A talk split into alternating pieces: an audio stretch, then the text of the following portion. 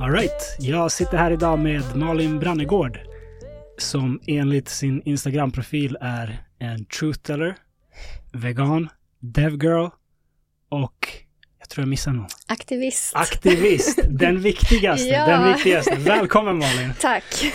Ehm, skulle det vara rättvist att kalla dig för eh, militant vegan? Um, alltså jag gillar inte det, ehm, militant vegan-uttrycket, för att det är någonting som djurindustrin i princip har hittat på för Mm. att beskriva sina motståndare. Ehm, det får oss att se dåliga ut när det i själva verket är de som är djurplågare. Mm. Och de är ju rädda för att vi ska exponera deras business.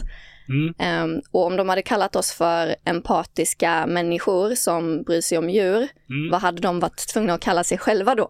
Det hade inte sålt så väl i, i deras kretsar. Exakt. Ehm, jag hör dig, jag hör dig. Det, det är väldigt rimligt och jag är inte... Jag, jag har ju haft ett samtal med Hans nyligen och du känner Hans. Ja.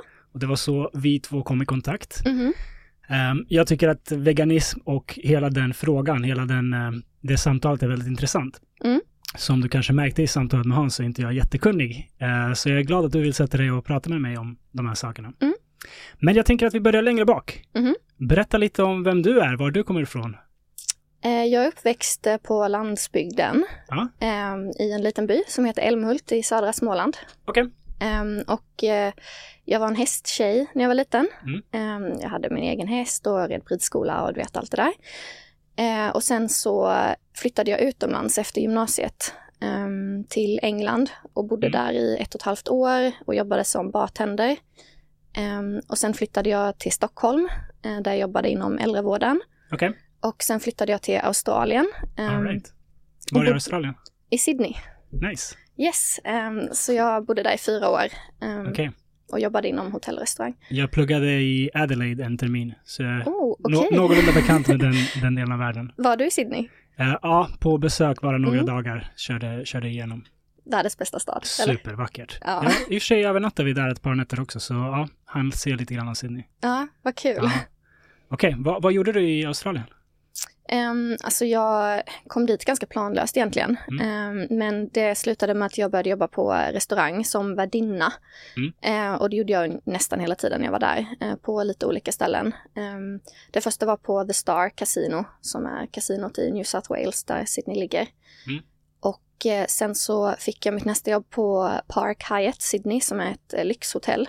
Okej. Så det var väldigt många högprofilerade gäster. Um, alltså kändisar, typ Bill Gates och Kim Kardashian oj. liksom som var där och käk, äh, käkade och bodde på hotellet. All right. Ehm, och efter det så eh, jobbade jag lite som eventskoordinator innan jag bestämde mig för att okej, men jag måste faktiskt göra någonting vettigare med mitt liv. Jag kan inte slita ihjäl mig liksom inom Hospo. Eh, Hospo är ju hotellrestaurang då på australiensiska. Ja. Ehm, Det är slitigt jobb. Ja, jätteslitigt. Eh, Mm. Man jobbar jättelånga timmar och står upp, har jätteont i fötterna, jätteont i benen. Mm. Folk är otrevliga, Mm. mm, mycket stress och du är inte uppskattad utan de sätter dig på plats och visar att om du gör minsta lilla misstag så kan du få kicken när som helst och Ja, du, är är, du är utbytbar. Var Kim Kardashian trevlig? Eh, jag träffade inte henne personligen, Hoppas. tyvärr. Men eh, alla andra kändisar som jag träffade var väldigt trevliga. De var det? Ja, och Ja, dricksade härligt. bra. Ja, det är bra. Ja. Även Bill Gates? Ja, absolut. Han var supersnäll och superschysst och väldigt Okej. low key faktiskt. Ja. Ja, honom Mm. han du träffa och, prata med eller? både han och hans exfru. Mm, Ja. okej. Det, det går ju mycket konspirationsteorier om Bill Gates. Det gör det väl Tror, alltid tror, han är, tror han allt tar över världen eller? Eh, nej, hade han velat det så hade han nog redan gjort det. Ehm, jag vet ju att han, han bryr sig väldigt mycket om miljön och Mm. djurfrågor också. Ehm, men det går ju inte direkt riktning om man säger så, när det kommer varken ehm, till miljön eller till uh, djurrättsfrågorna. Så Mm. eh, om han verkligen hade haft jättemycket makt så hade världen sett väldigt annorlunda ut Mm, än vad den gör idag. fair enough. Um, Okej, men ehm, det går att argumentera för hur världen hade sett ut om Bill Gates hade haft makten. Förhoppningsvis bättre. kanske, kanske. Vi, Ja, vi får se. ja.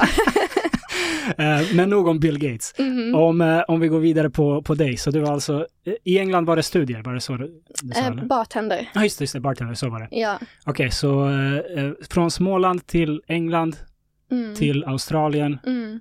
och sen till Stockholm, eller? Eh, nej, jag flyttade tillbaka till Älmhult. Ja. Ja, och det var ju inte jättekul att bo där efter att ha bott i en stor stad, måste jag Mm. erkänna. Okej. Men man vänjer sig liksom vid att livet är lugnt och det är nära till naturen. Och Mm. nu som vuxen uppskattar jag faktiskt Älmhult väldigt mycket mer än vad jag Mm. gjorde förr. Um, för det är en liten by men du har ändå alla mataffärer som du behöver och det finns skolor och sjöar och det är nära att åka till havet och till sommarstugan och Ja. du vet. Vad, vad var det för typ av liv du levde som liten i Älmhult? Eh, hur, hur liten är den här stan? Är det liksom bondgårdar vi snackar om eller hur, hur, hur pass litet är det? Eh, Det bor 10 000 människor Mm. i tätorten och kanske 16 000 i kommunen. Så det är ju ett litet centrum där vi har ett torg och lite butiker. Eh, Mm. Och sen så är det ju bondgårdar runt omkring. Ja, Ja, all right. Härligt. Så Ja. väldigt naturnära som du sa. mm, verkligen. All right. Och du nämnde att du var en eh, hästtjej. Ja, det var jag. Eh, Min första kärlek Din var, första kärlek. var ponnyn Pajas. Nice. ja. Eh, vad, gjorde du det bara som liksom hobby eller gjorde du det, tävlade du inom något eller? Nej, alltså jag har aldrig varit en tävlingsmänniska, eh, Mm. utan jag har varit väldigt så här low key, gör saker för att det är kul. Jag tyckte Mm. inte det var kul om inte hästen tyckte att det var kul. Mm. Ehm, vi kanske inte behöver gå in på det samtalet idag, men alltså eh, djurrättsrörelsen har ju lite problem med att man utnyttjar hästar och jag har ju sett branschen med egna ögon hur man behandlar hästar både på Mm. ridskola och i tävling och sådär. Och jag tycker också att det är exploatering och jag är emot. Men Mm. att bara ha en husdjurshäst som du lullar runt med i skogen eh, på lika villkor, ehm, det tycker jag det är fint. Det var en fin uppväxt och jag är jättetacksam för alla de åren som jag Ja. fick. Härligt, kul att höra. ja. När du sen kom från storstan tillbaka till Älmhult, mm. Vad var det som eh, kändes som att nej, nu, nu saknas det någonting? Ehm, det var nog att jag kände att det inte fanns så mycket att göra. Mm. Ehm, man går ju från att ha bott i en stad där du kan gå på vilken restaurang du vill och du kan gå ut och gå klubb, på klubb eller på bio eller gå till stranden eller gå ut i naturen, whatever. Ja. Men sen kommer du dit och helt plötsligt så eh, finns det inte så mycket utan du måste sysselsätta dig själv och Mm. det tar en liten stund innan du har hittat dina grejer. Hur gammal var du när du först flyttade ifrån Älmhult? 20. Okej, Mm. men kände du då att ja, men allt man behöver finns här? Eller saknade du redan då mer nöjen? Jag var lite äventyrslysten då tror jag. Okej, hur då? Uh, nej men um, kul att testa något nytt, du vet. Ehm, man utvecklas ju också väldigt mycket när man bor i ett annat land och läser ett annat språk och en annan kultur och så. Mm, mm. Så jag tycker det har gjort mig till en bättre människa. Ja, gud, att se andra länder uppleva andra kulturer, det är ovärderligt. Absolut. Eh, men det jag menade var, tyckte du att Älmhult var för litet redan då när du var 20? Eller var det först när du hade fått smaka på större städer liksom, som du tyckte det var för litet? Jag tyckte nog det när jag var 20 också, Okej. men jag Mm. visste inte så mycket annat. Nej, såklart. Ja. Det man är van vid. Liksom. Mm. All right. Av England och Sydney, vilket gillade du mest? Sydney, 100 procent. Du skulle kunna tänka dig att bo, dit, bo där? Om jag fick välja var jag skulle ha blivit född Ja. så hade jag valt att bli född i Sydney. Mm. Varför? För att den stan har allt. Um, skitfint. Förlåt, jag svär. Du, du får svära hur mycket du vill här. Tack. Skäms lite nu. Fritt fram, fritt fram. Eh, nej, men de har superfint väder. Ja. De har typ hundra stränder som är hur vackra som helst. Mm. Ehm, och eh, ganska hög levnadsstandard. Ehm, de tjänar bra pengar. Det finns Mm. karriärsmöjligheter. Jättemycket restauranger, klubbar. Naturen är ändå väldigt nära. Ehm, så de har hela paketet, verkligen. Mm. Mm. Min upplevelse av Australien var också väldigt positiv. Ja, vad kul. Um, jag var inte i Sydney så mycket som sagt, men Adelaide där jag pluggade var väldigt trevligt också. Mm. Det är en mycket mindre stad, men det är en universitetsstad. Det, jag tror det fanns fyra universitet på den tiden Okej, i den lilla staden, så det fanns alltid hur många utbytesstudenter som helst. vad bra fest. Ja, gud ja. Gud, ja. väldigt Ja. roligt hade jag där. Fattar. Uh, och sen körde vi några roadtrips, en till Melbourne och en till, uh, vi flög till Sydney och sen körde läng- längs uh, vad blir det, östkusten, Ah, eh, upp till Whitsundays och tillbaka. så, så du var på Stora barriärrevet? Ehm, nej, det var jag inte. Men det ligger ju där. Ja, Ja. With Sundays. ja, Ja. eller jag, jag var inte nere och dök i Stora barriärrevet. Du var ovanpå. Jag var, ja, precis. ja, vi åkte nog båt över det. okej. Men vi åkte ut till en, eh, en ö med en strand som heter Whitehaven Beach. Mm, Har du varit där? mm. Det är Alltså, så vackert. Det, det, det är liksom, sanden är jättefinkornig Mm, och man får inte bygga några hotell eller någonting där, så det är väldigt bevarat. mm. Så det känns som att man går på mål på den där stranden. Ja, så det var helt, helt fantastiskt. Magiskt. Ja, vi har ju inget liknande i Sverige eller ens Europa. Liksom. Nej, men den är ju Mm. också typ en av topp fem vackraste stränderna i världen liksom. Ja, Det är svårt att toppa det där. ja, nej det går ju inte. Mm. Mm. Ja, ja, men kul. Vad, vad mer eh, uppskattade du med Sydney och Australien? Jag gillade att människorna var väldigt eh, öppensinnade Mm. eh, och sociala på ett sätt som svenskar inte är. Utan jag vet inte om du upplever samma som jag, men jag upplever att svenskar är väldigt instängda liksom. Mm. Mm. Eh, Medan folk från Australien och många andra länder är lite mer öppensinnade och de behandlar dig som en kompis fast ni bara träffats en gång. Ja, Medan i Sverige så även om du är bekant så är det inte säkert att de hälsar på dig i mataffären. ja. Ja. Jag hade en sån riktig aha-upplevelse i, i Adelaide. Mhm. Det fanns en spårvagn i stan Mm. och ehm, jag var på spårvagnen och såg två främlingar sätta sig bredvid varandra, Ja. ha en liten konversation, jättetrevlig. Mm. Och sen gick den ena av och sa hej då. Liksom. Mm. Och jag kommer ihåg hur chockad jag blev över det här. Det var verkligen så här, va? Alltså tunnelbanan i Stockholm, det finns inte en chans. Nej. Bara typ klockan 03.00 när folk är fulla och glada. Ja. Men att två främlingar bara sätter sig, pratar med varandra, har en trevlig konversation och sen, ja hej då, här ska jag av. Mm. Och jag minns att jag blev så paff, över att jag blev så paff. Mm. Det var verkligen så här, shit, det här är ju inte friskt. Vi borde vara lite mer sociala än så. Det här ska inte vara Ja. så konstigt för mig. Nej, men i Stockholm om någon gör det, då kommer man ju tro att en person är psykiskt sjuk. Liksom, Ja. och bara hallå. Ja, och, och sen Ja. börjar man ju själv bete sig så där efter ett tag. Mm. Även om man själv kanske skulle vilja vara mer social så man, man vill ju inte vara den som sticker ut på det sättet. Liksom. Nej, precis. Jag, eh, jag reagerade på, på den saken också. Det, Jag förstår det. det, det, det är väl säkert lite med värmen, tror du inte? Ja, alltså kanske. Jag tror de är lyckligare överlag. Mm. Eh, Jag vet inte hur du upplevde det, för du var där på sommaren, eller? På... Jag åkte i, vad blir det, februari tror jag. Då Ja. är det ju sommar och sen var jag där till juni eller något sånt. Okej, så du fick se sommaren och hösten och... Ja, jag antar det. Ja, Ja. jag tror vintern börjar i juni. Mm. Ehm, men då vet ju, jag vet inte om du upplevde samma som jag, men när man vaknar och solen skiner varje dag Ja. så mår man bättre. Det hjälper. Det Mhm. hjälper. Ja. Sen var jag som sagt utbytesstudent så det kan man inte ens, det är inte verkligheten. jo, men Då- Då är man där och bara låtsas plugga och så testar man och Ja. får pengar från CSN liksom för det. Så det är schysst. det är inte riktigt liv. Men eh, jag gillade det i alla fall. Mm, en bra upplevelse. Definitivt. Mm. Hur länge var du i Australien? Fyra år. Fyra år, okej. Ja, men då har du upplevt Australien på riktigt. Eh, ja, ja, vardagslivet Sydney har jag upplevt Mm. i alla fall. Eh, och jag har rest runt till lite olika ställen också. Mm. Så eh, jag har faktiskt aldrig varit i Adelaide, men jag har varit i Melbourne. Mm. ehm, och på lite andra ställen. När jag säger till folk från Australien, var, varje gång jag stöter på någon från Australien så säger jag såklart att jag, jag pluggade där. Mm. Och så frågar de var. Mm. Varje gång jag säger Adelaide så får jag frågan why? Ja. Av alla från Australien.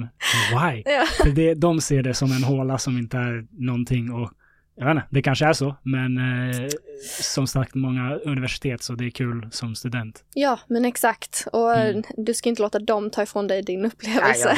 Ja, det är skitkul. Ja, det är det som räknas. Ehm, fyra år i Australien alltså. Mm. Ehm, I Adelaide Mm. så hade de ett, ett riktigt, vad ska man säga, ett, ett stort problem. Eh, aboriginer som inte är, ehm, vad ska man säga, som, som inte har anpassats till samhället. Mm.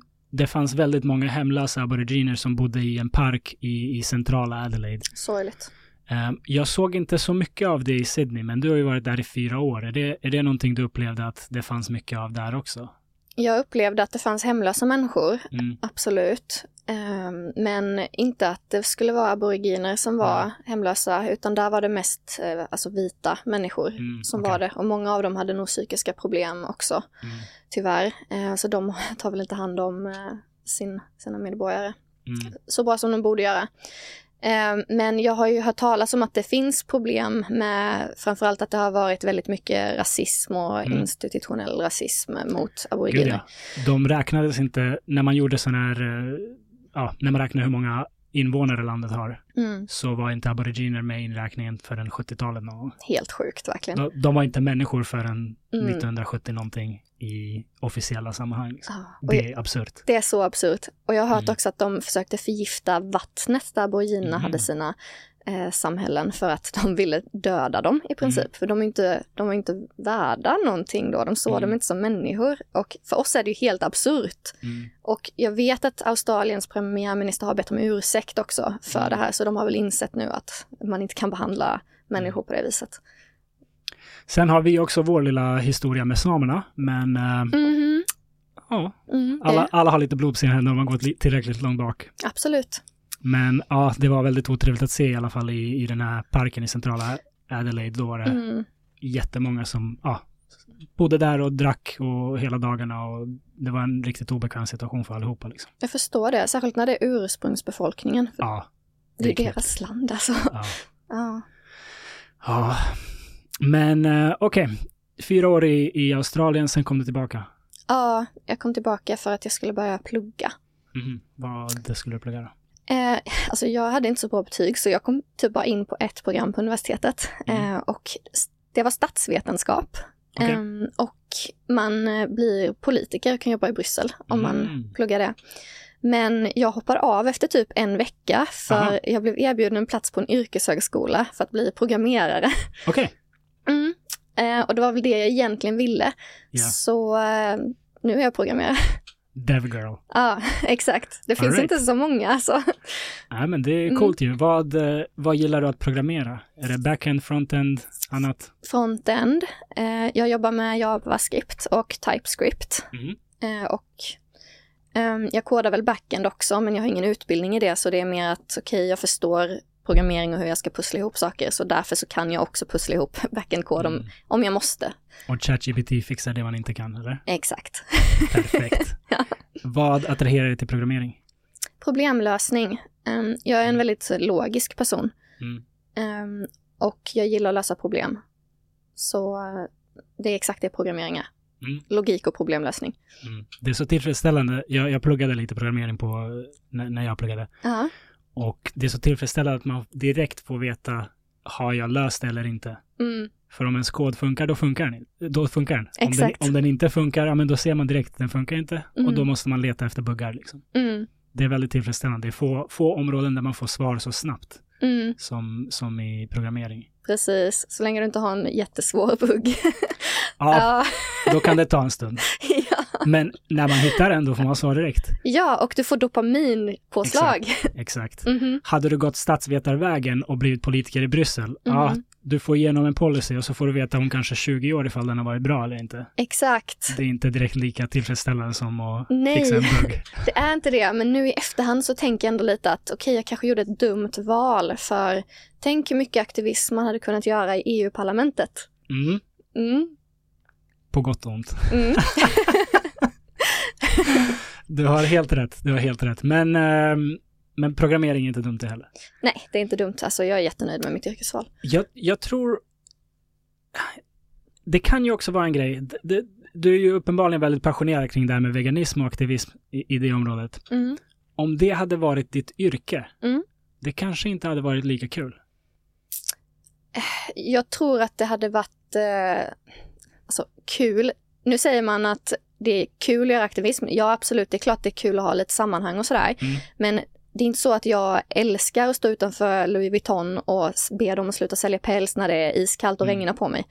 Förstår du vad jag menar? Jag förstår vad jag menar. Ja, Men jag tänker mer så här, eh, när det är någonting man brinner för, om det istället börjar handla om ens levebröd. mm, Att kul är kanske fel ord, men passion och levebröd är två väldigt olika saker. Mm, Dålig jämförelse med att säga att man håller på med musik för att Mhm. man älskar det. mm, Och sen plötsligt hänger ens hyra på att man säljer musik. mm, Då tar det liksom passionen ur det. Och mm. Jag har inte tänkt på det i, i den bemärkelsen med aktivism, men jag kan tänka mig att det skulle färga ens aktivism. Om det handlade om att din hyra står på spel. Ja, det tror jag. Det Ja. jag tror man hade behövt anstränga sig mycket mer och det hade såklart eh, blivit en press också att okej, nu måste jag komma upp med content för att folk ska Mm. sponsra mig, för det är ju det enda sättet att leva på aktivism. Mm. Det finns ju ingen som betalar någon för att göra aktivism, utan majoriteten av alla, alltså 99,999 procent, Mm. gör ju det för att de brinner för någonting. Exakt. Ja, och de få som faktiskt har turen att få jobba med det, Mm. de gör ju det genom bidrag från andra. Ja. Mm. Men fan, jag är osäker på om det är så mycket tur. Om, det finns ju fördelar med det, men det finns nackdelar. För är man beroende av någon annans bidrag, då är det ju de som bestämmer över den. Det är det. Eh, och det kan man Mm. märka också lite. I Sverige så har vi någon heltidsaktivist. Eh, och eh, han kanske kan försöka vara lite mer, göra lite kompromiss kanske på sin hjärtefråga ibland. Mm. För att han måste ju se till så att han håller sina investerare glada. Mm. Han vill inte trampa dem på tårna. Tänker du på någon eh, särskild individ här, eller? Eh, Du behöver inte säga det om du inte vill. Jag tänker inte gå in på det.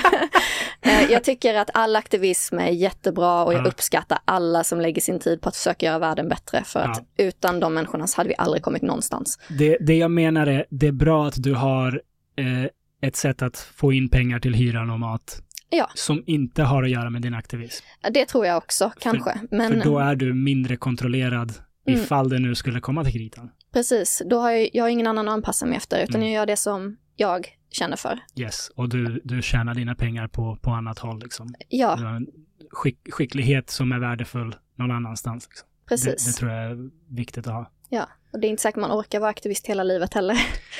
Nej, Mm. det, det, det är väl inte många som orkar det. Jag tror inte det. Eh, Det är hög rate på utbrändhet, tyvärr. Mm, mm. Men det är kanske också för att vi inte är så många, så då känner de som väl är igång att vi måste. Vi har inget val, vi kan Mm. inte sluta. Och att det, det är ju berg man behöver flytta i många frågor. Absolut. I, I väldigt många saker här i livet är det väldigt svårt att göra förändring. Mm, Speciellt när det handlar om liksom stora orättvisor i världen. mm, Och många hamnar i det här att det är de flesta av oss är goda människor som vill göra gott. mm, Men eftersom det är så svårt att göra det så blir det snarare att man kanske lägger sin energi på det som är enkelt. Att märka folks ord. mm, Att säga, ja men du pratar på det här viset, du, du är del av problemet. Sådana där saker. Att det blir det enkla att göra snarare än det svåra som faktiskt kräver en, en hel del dedikation. mm. Ja. Absolut. Vi, eh, nu, nu kommer vi in på det här med aktivism. Mhm. Hur började det hela? Det, vi, vi backar bandet ännu längre bak. När du, när du, var, när du var liten, Mhm. var du vegan? Nej, ingen i min familj var vegan när jag växte upp. Mm. Jag visste nog inte ens vad en vegan var, om Mm. jag ska vara helt ärlig, fram tills för några år sedan. Ja. De flesta människor har ju mest fördomar som kommer från eh, eh, ja, smutskastning av gruppen veganer från eh, stora, mäktiga, rika industrier som känner sig hotade av vår filosofi Ja. egentligen. Ehm, ja, vad var frågan? Förlåt. Eh, hur, hur det hela började. Så, Ja. så då tolk, om jag tolkar det rätt så var du alltså som vilken ja, tjej som helst, eh, vilken familj som helst, käkade blandad kost, inklusive kött och mejeriprodukter. Mm. Ehm, när började det liksom smyga sig på det här med att det här är kanske inte det jag vill eller? Mm. Det började med att jag blev eh, konfronterad med eh, video från djurindustrin. Eh, och det jag kan komma ihåg var det första jag såg var eh, kycklingar, nykläckta kycklingar från äggindustrin. Um, tuppkycklingarna kan ju inte lägga ägg, så de har inget värde utan anses vara en waste-produkt. Mm. Och då slänger man upp dem på ett rullband rakt ner i en köttkvarn och maler dem levande. Ja. Och jag var så chockad när jag såg det. Jag kunde, Hur, hur gammal var du? 21 kanske? Mm. Jag kunde inte tro att det var på riktigt. Ehm, och efter det så tänkte jag bara, oj, jag behöver lära mig mer. Mm. och såg lite så här Kalla fakta-dokumentärer, du vet där de granskar djurindustrin och lite annat material på internet kanske. Eh, och kom väl till slutsatsen till att okej, okay, men jag vill inte att djur ska lida på grund av mig. Mm. Så när jag var typ 22, 23 där någonstans så tänkte jag att okej, okay, men nu ska jag börja försöka äta mer vegetariskt. Men jag hade ingen kunskap om kost eller näring. Jag kunde inte laga mat till mig själv för jag var ett barn i princip. Mm. Um, men um, så småningom gick det. Det tog typ tio år för mig att liksom komma hela vägen. Um, Ehm, okay. Men det är det bästa jag gjort i hela mitt liv. Mm. Det enda jag önskar är att någon hade sagt till mig från början att okej, okay, men konsekvensen av att du gör det här är det här och Mhm. varsågod, och här är all kunskap som du behöver för att inte bidra till det där hemska.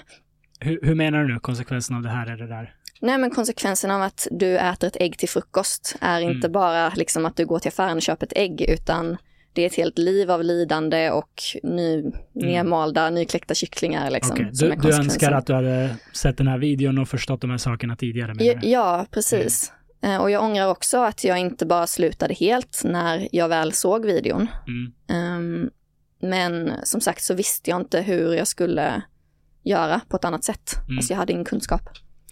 Hur, hur, eh, hur gick det här till? När du såg den videon, kände du att direkt att okej, jag måste förändra någonting? Ja, absolut. Mm.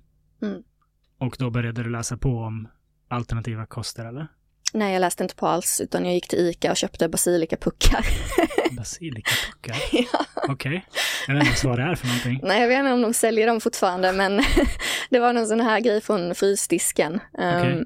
Som förmodligen inte var så jättehälsosam, eh, utan Nej, det låter inte som det. Nej, utan när du ska byta ut protein, vilket egentligen är det du gör när du Ah. liksom går bort från djurprodukter, då måste Mm. du ersätta det med ett annat protein. Du kan inte ersätta det med en grönsak, utan du måste ersätta det med ett protein. Och det visste inte jag, så um, det var väl där det började i princip. Um, Okej. Och sen så utvecklades jag sakta. Okej. Ja. Ehm, hur, hur, ehm, hur mådde du då? Var, var det en period då du ville äta veganskt men inte riktigt visste vad som var bra och därför att kanske sämre kost eller?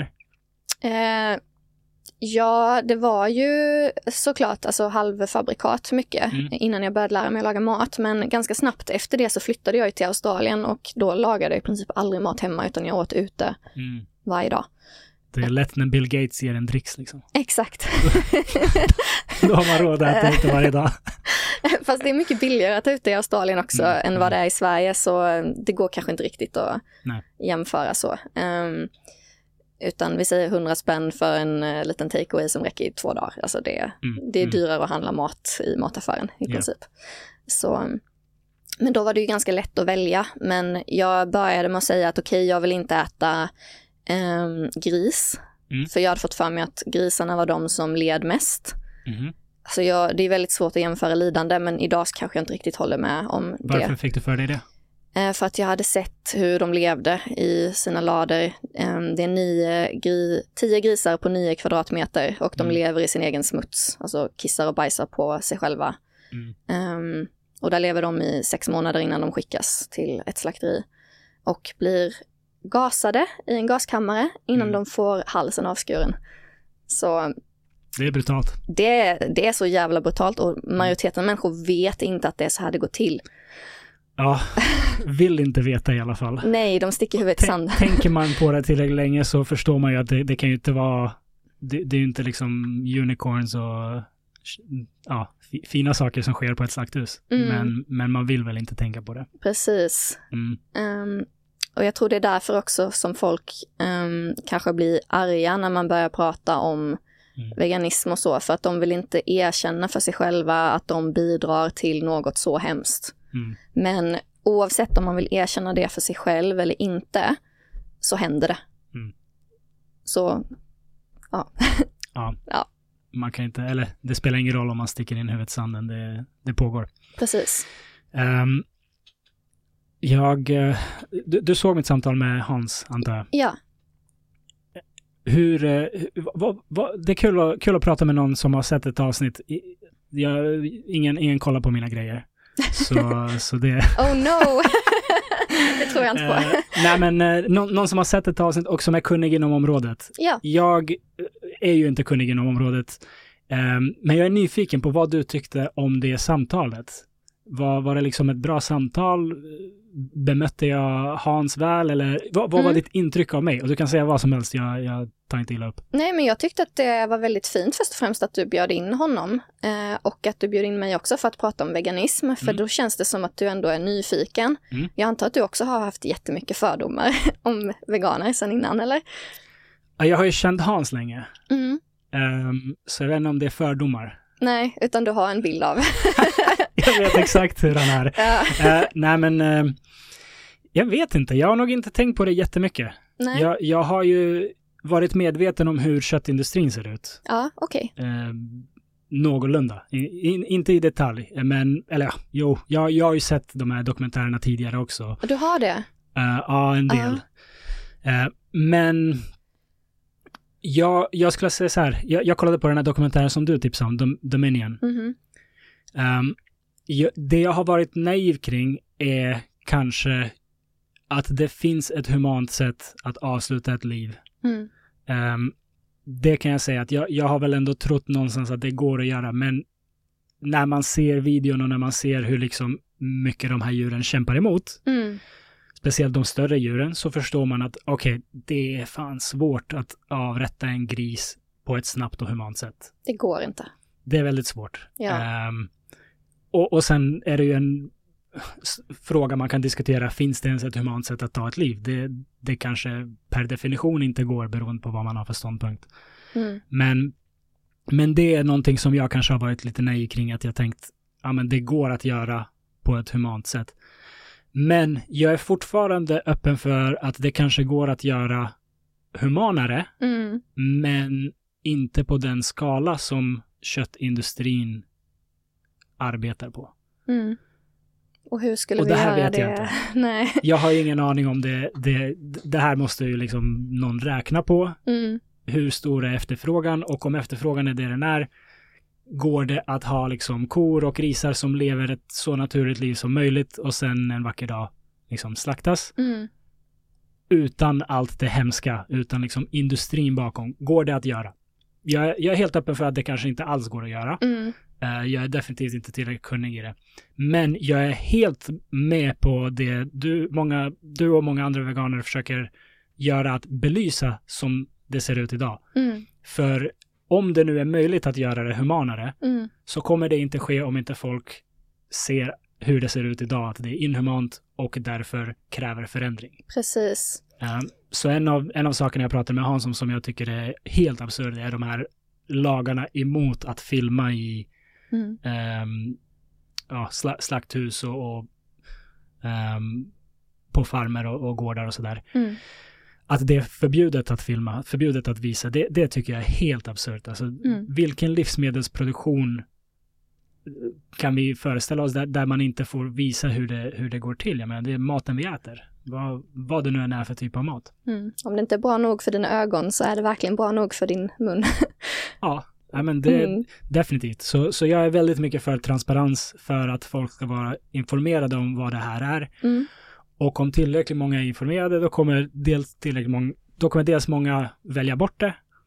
Och de som inte vill välja bort det kommer i alla fall säga, hörni, det här måste vi göra annorlunda. Mm. Det här, det här, vi kan inte acceptera det här. Precis som i, i ja men, eh, slaveriet. Ja. Alltså det var en liksom enorm institution som vi, många trodde, det här kommer vi aldrig bli av med. Mm. Sen var det tillräckligt många som satte tillräckligt med press på, på eh, de som ville hålla på med slaveri för att det till slut eliminerades Mm. Hur tror du den rörelsen började? med aktivister. Exakt. Ja. Ja. Nej, så jag, jag är väldigt, ehm, jag respekterar det ni gör, Mm. definitivt. Jag, jag tror att det finns en plats för det. Ja, ja men absolut. Och jag har faktiskt svar på många av de frågorna som du Mm. har där. Ehm, för att gå tillbaka till om det finns möjlighet att göra det på ett bättre sätt Ja. som läget ser ut idag, eh, så är svaret nej. För att vi använder redan ehm, 50% av all beboelig yta på hela, hela världen till alltså, odling, alltså jordbruksmark. Och 83% av den ytan eh, används till djurindustrin. Okej. Och då är majoriteten av alla djur ehm, i djurindustrin uppfödda i fabriker. De får aldrig se solens ljus, de får aldrig andas frisk luft, de får aldrig känna gräs under sina fötter. Utan de är uppfödda i de här skjulen som du såg i filmen Dominion. Ja. Eh, och anledningen till varför det är så är ju för att vi har inte tillräckligt mycket yta på den här planeten för att kunna göra det här på ett bättre sätt. Mm. Så köttkonsumtionen måste minska, absolut. Men man kan ju fortfarande inte ta någons liv på ett humant sätt om den Mm. inte vill dö. Ingen vill dö. Alltså det är det som är slutsatsen. Så ja, absolut. Visst, man kan promota djurvälfärd. Men när du gör det så försöker du ju bara skydda djuren från dig själv Mm. egentligen. Förstår du vad jag menar när jag säger det? Ja, ja. Ja. Jag, ehm, jag vet inte om jag håller med på om att det inte går att göra. Mm. För att det finns andra typer av lösningar. Det behöver inte vara den klassiska föda upp ett djur och slakta det. Det kan vara um, syntetisk kött. Ja, precis. labbodlat kött. Exakt, och det är ju det som vi försöker pusha för nu. Det är ju Mm. framtidens mat. Mm. Och det är inte bara alltså, vi veganer som har hittat på det här, utan det finns jättestora företag som jobbar med det här Mm. idag för att det ska kunna komma ut till konsumenten Mm. inom en snar framtid. Och det är ju lösningen både på djurrättsfrågan egentligen, till viss del, eh, för det är fortfarande djur inblandade i labbodlat kött. Ehm, men det kommer inte vara 80 miljarder djur som slaktas varje år då, utan Nej. det kanske kommer vara ett mindre antal. Och jag personligen tycker ju det, alltså jag vill inte säga att det är bra att plåga och döda någon, men hellre 100 individer än 80 miljarder individer.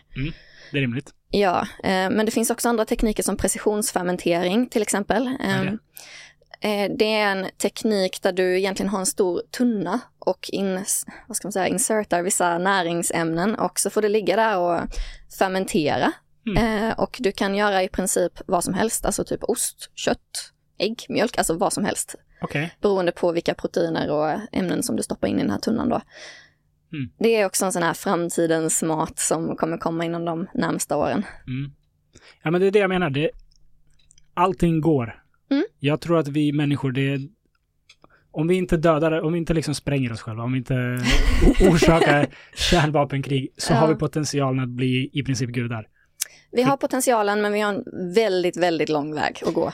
Vi har det, vi har Ja. det. Men alltså, vi har, vi har skickat grejer ut från utanför vårt solsystem. Absolut, ja. Hur sjukt är inte det? Det är jättesjukt. Alltså, vi, det går inte att föreställa sig hur långt bort det är. Mhm. Men vi har skickat saker dit. Mm, Vi har liksom besökt andra planeter med våra robotar, ta, tagit reda på grejer om universum som är helt absurda. mm, När vetenskap bara är några hundra år gammal, den vetenskapliga metoden och liksom ja, allt det här. Så, så att kunna lösa att vi inte ska liksom slakta en massa djur varje år, det känns som en banal grej i jämförelse med att skicka ut något utanför solsystemet. jag håller verkligen, verkligen med. Problemet är ju dock att det finns jättestora, rika, mäktiga företag som sitter och jobbar för motsatsen just Mm. Nu. Köttindustrin tjänar ju mer pengar än hela USA. USAs Mm. regering får in i skattepengar varje år liksom. Ehm, så de har otroligt mycket makt och jobbar väldigt mycket med lobbying mot politiker för Mm. att få sin agenda igenom, för att lagar ska stiftas till deras fördel. Mm. Och konsekvensen har ju blivit att djurprodukter subventioneras sjukt mycket. Mm. Ehm, alltså flera tusen procent mer än vad en växtbaserad produkt eh, subventioneras. Så det är ju olika konkurrens, eh, vad ska man säga, villkor Mm. för de här två olika eh, produktgrupperna. Ja. Ehm, men alltså det är ju också så att de vill inte ändra på sig utan de kör sina falska marknadsföringskampanjer mot konsumenterna för att de ska ha gott samvete när de äter kött, för att de absolut inte ska se hur det går till i verkligheten i deras industrier Mm. eh, och för att de ska fortsätta växa, alltså gå med ökad vinst varje år och Ja. fortsätta tjäna pengar. Så man får ju inte glömma det att visst, det finns människor som gör helt fantastiska saker och vi har absolut möjlighet att lägga ner hela djurindustrin och bara köra på labbodlat kött eller på precisionsfermentering eller på det finns 3D-printad vegansk stek som gjorts på soja och vete nu. Alltså Okej. det, det, du behöver inte ens äta ett djur för att äta kött, utan det finns redan idag veganska Mm. köttalternativ. Eh, Men du får inte glömma att de onda människorna sitter här och har otroligt mycket mer makt än den här lilla gruppen som försöker göra gott. Är de onda? Absolut. Okej, Mm. varför? för att de begår industriellt massmord. på tre miljarder individer varje år. Det, är ett- det är ett bra svar. Ja, och på köpet förstör de vår planet och förstör Ah. möjligheten att bo på den här planeten i framtiden. Mm. Ja, Mm. det går absolut att argumentera för att det är ont. ja. Men jag, jag är... Den, den liksom förklaringsmodell jag generellt väljer att applicera på världen är att de här människorna, de vill bara tjäna pengar. ja, till vilket pris som helst. Ja, Ja. och så länge de kan hålla det på en armslängd ifrån sig, Mm. de är inte där och, och, och avrättar, Mm. så tänker de inte på det. Jag menar, alltså riktigt, riktigt hemska saker som har hänt i, i människans historia, alltså typ förintelsen. Mm. Hitler satt inte och tänkte, hur ska jag förstöra världen på bästa sätt jag kan? Mm. Han trodde han gjorde någonting gott. Säkert. Han ville liksom skydda sitt folk och göra det bästa han visste för sitt folk. Och i hans skeva världsbild Mm. så var det att ja, men, eliminera alla liksom dåliga element i samhället. Ja, Ehm, och det, det, det är ju ondska. Om någon är ond så är det Hitler liksom. ja. Då vill jag säga att gaskammarna som vi gasar grisar idag Mm. uppfanns av Hitler och hans nazister. Mm. Exakt samma. Eh, Så ondskan fortsätter. Ja, så är det. Men när du pratar om etik och moral så måste Ja. du utgå från offrets perspektiv. Mm. Du kan inte utgå ifrån vad... Förövarens. Exakt. Det är en eh, bra poäng. Mm. Det blir, det blir dock en perspektivfråga. Jag vet inte, för, för jag, jag tror inte att sak... Jag, jag tror inte att liksom någon gick in i det här och tänkte eh, hur kan vi göra en så vidrig köttindustri som möjligt?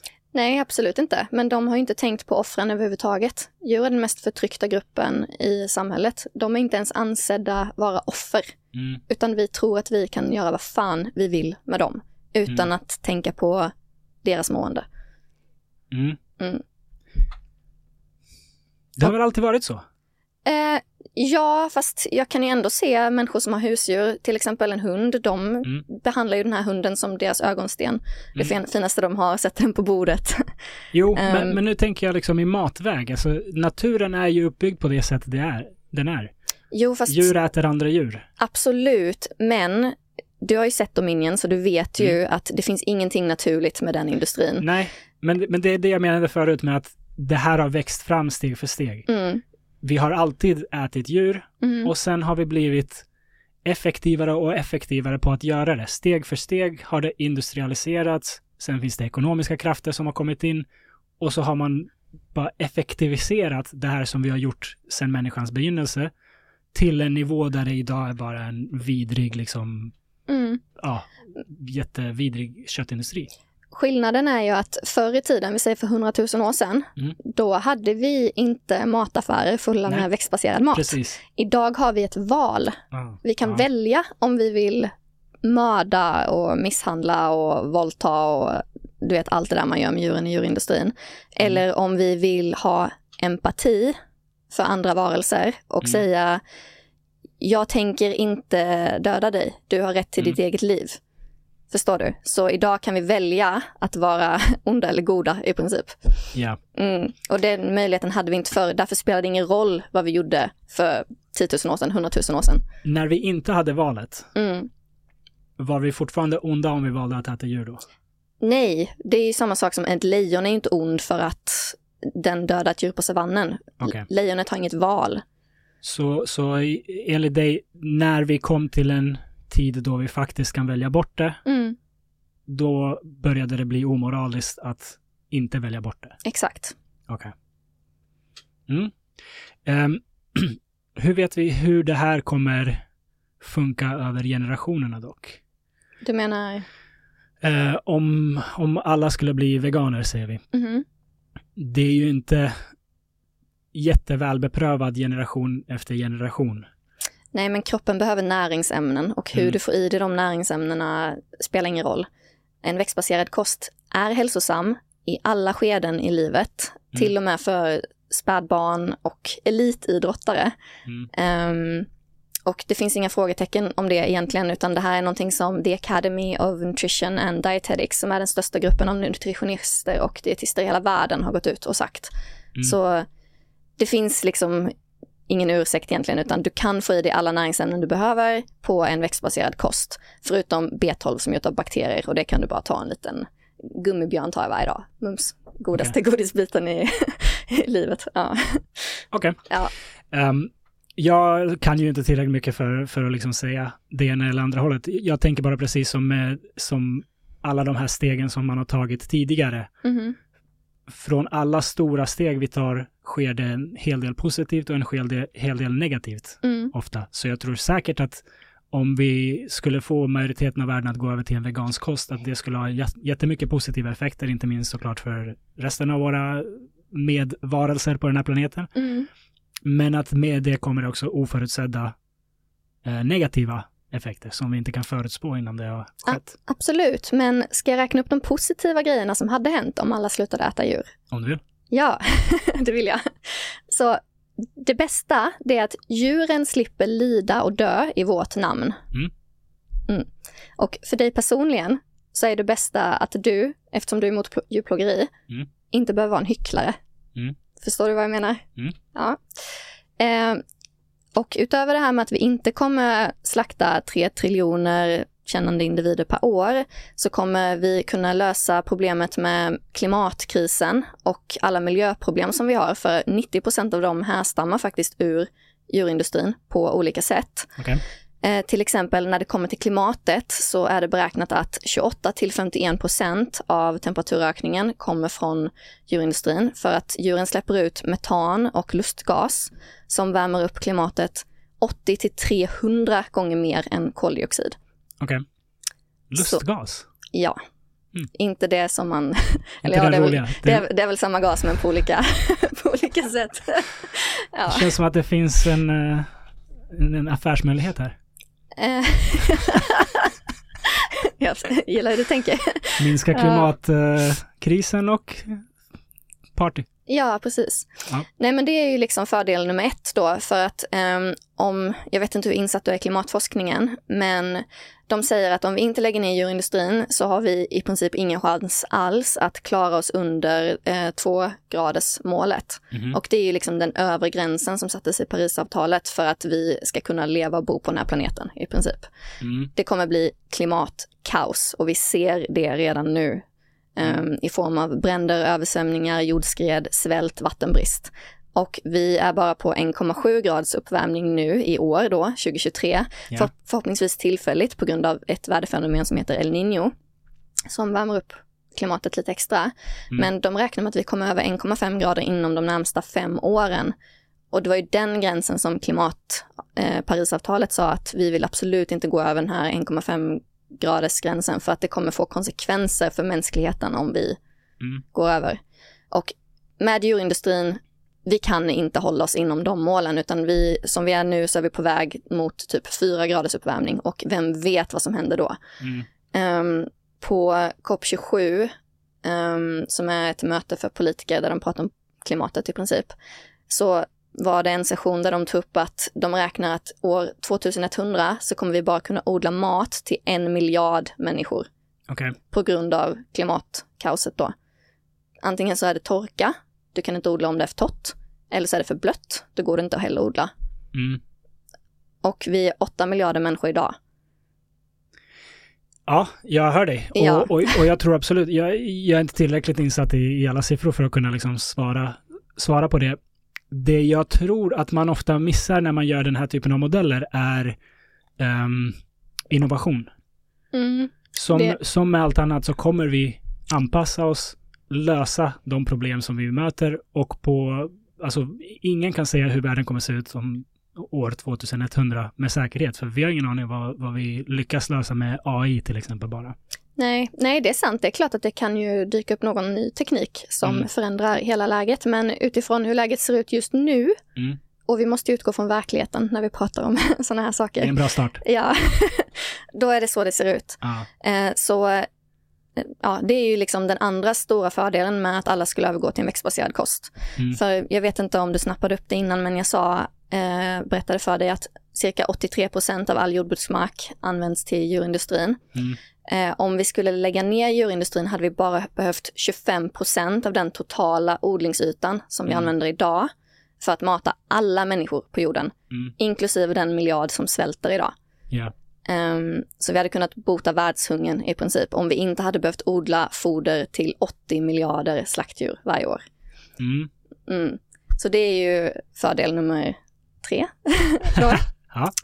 Listan är lång. Ja, och all den här ytan som vi kan frigöra och återställa till sitt naturliga ursprung, 75 procent av all odlingsmark, Mm. eh, där kan den naturliga floran och faunan eh, få, du vet, eh, växa, Växa och leva tillbaka. som, ja, växa tillbaka som det var förr i tiden. Mm. Och det är en väldigt kraftig klimatåtgärd, Mm. för att då lagrar de koldioxid i marken istället för att läcka ut koldioxid och producera extra metan och lustgas på grund av att det går en massa kor och betar där eller för att vi odlar foder till en massa kycklingar.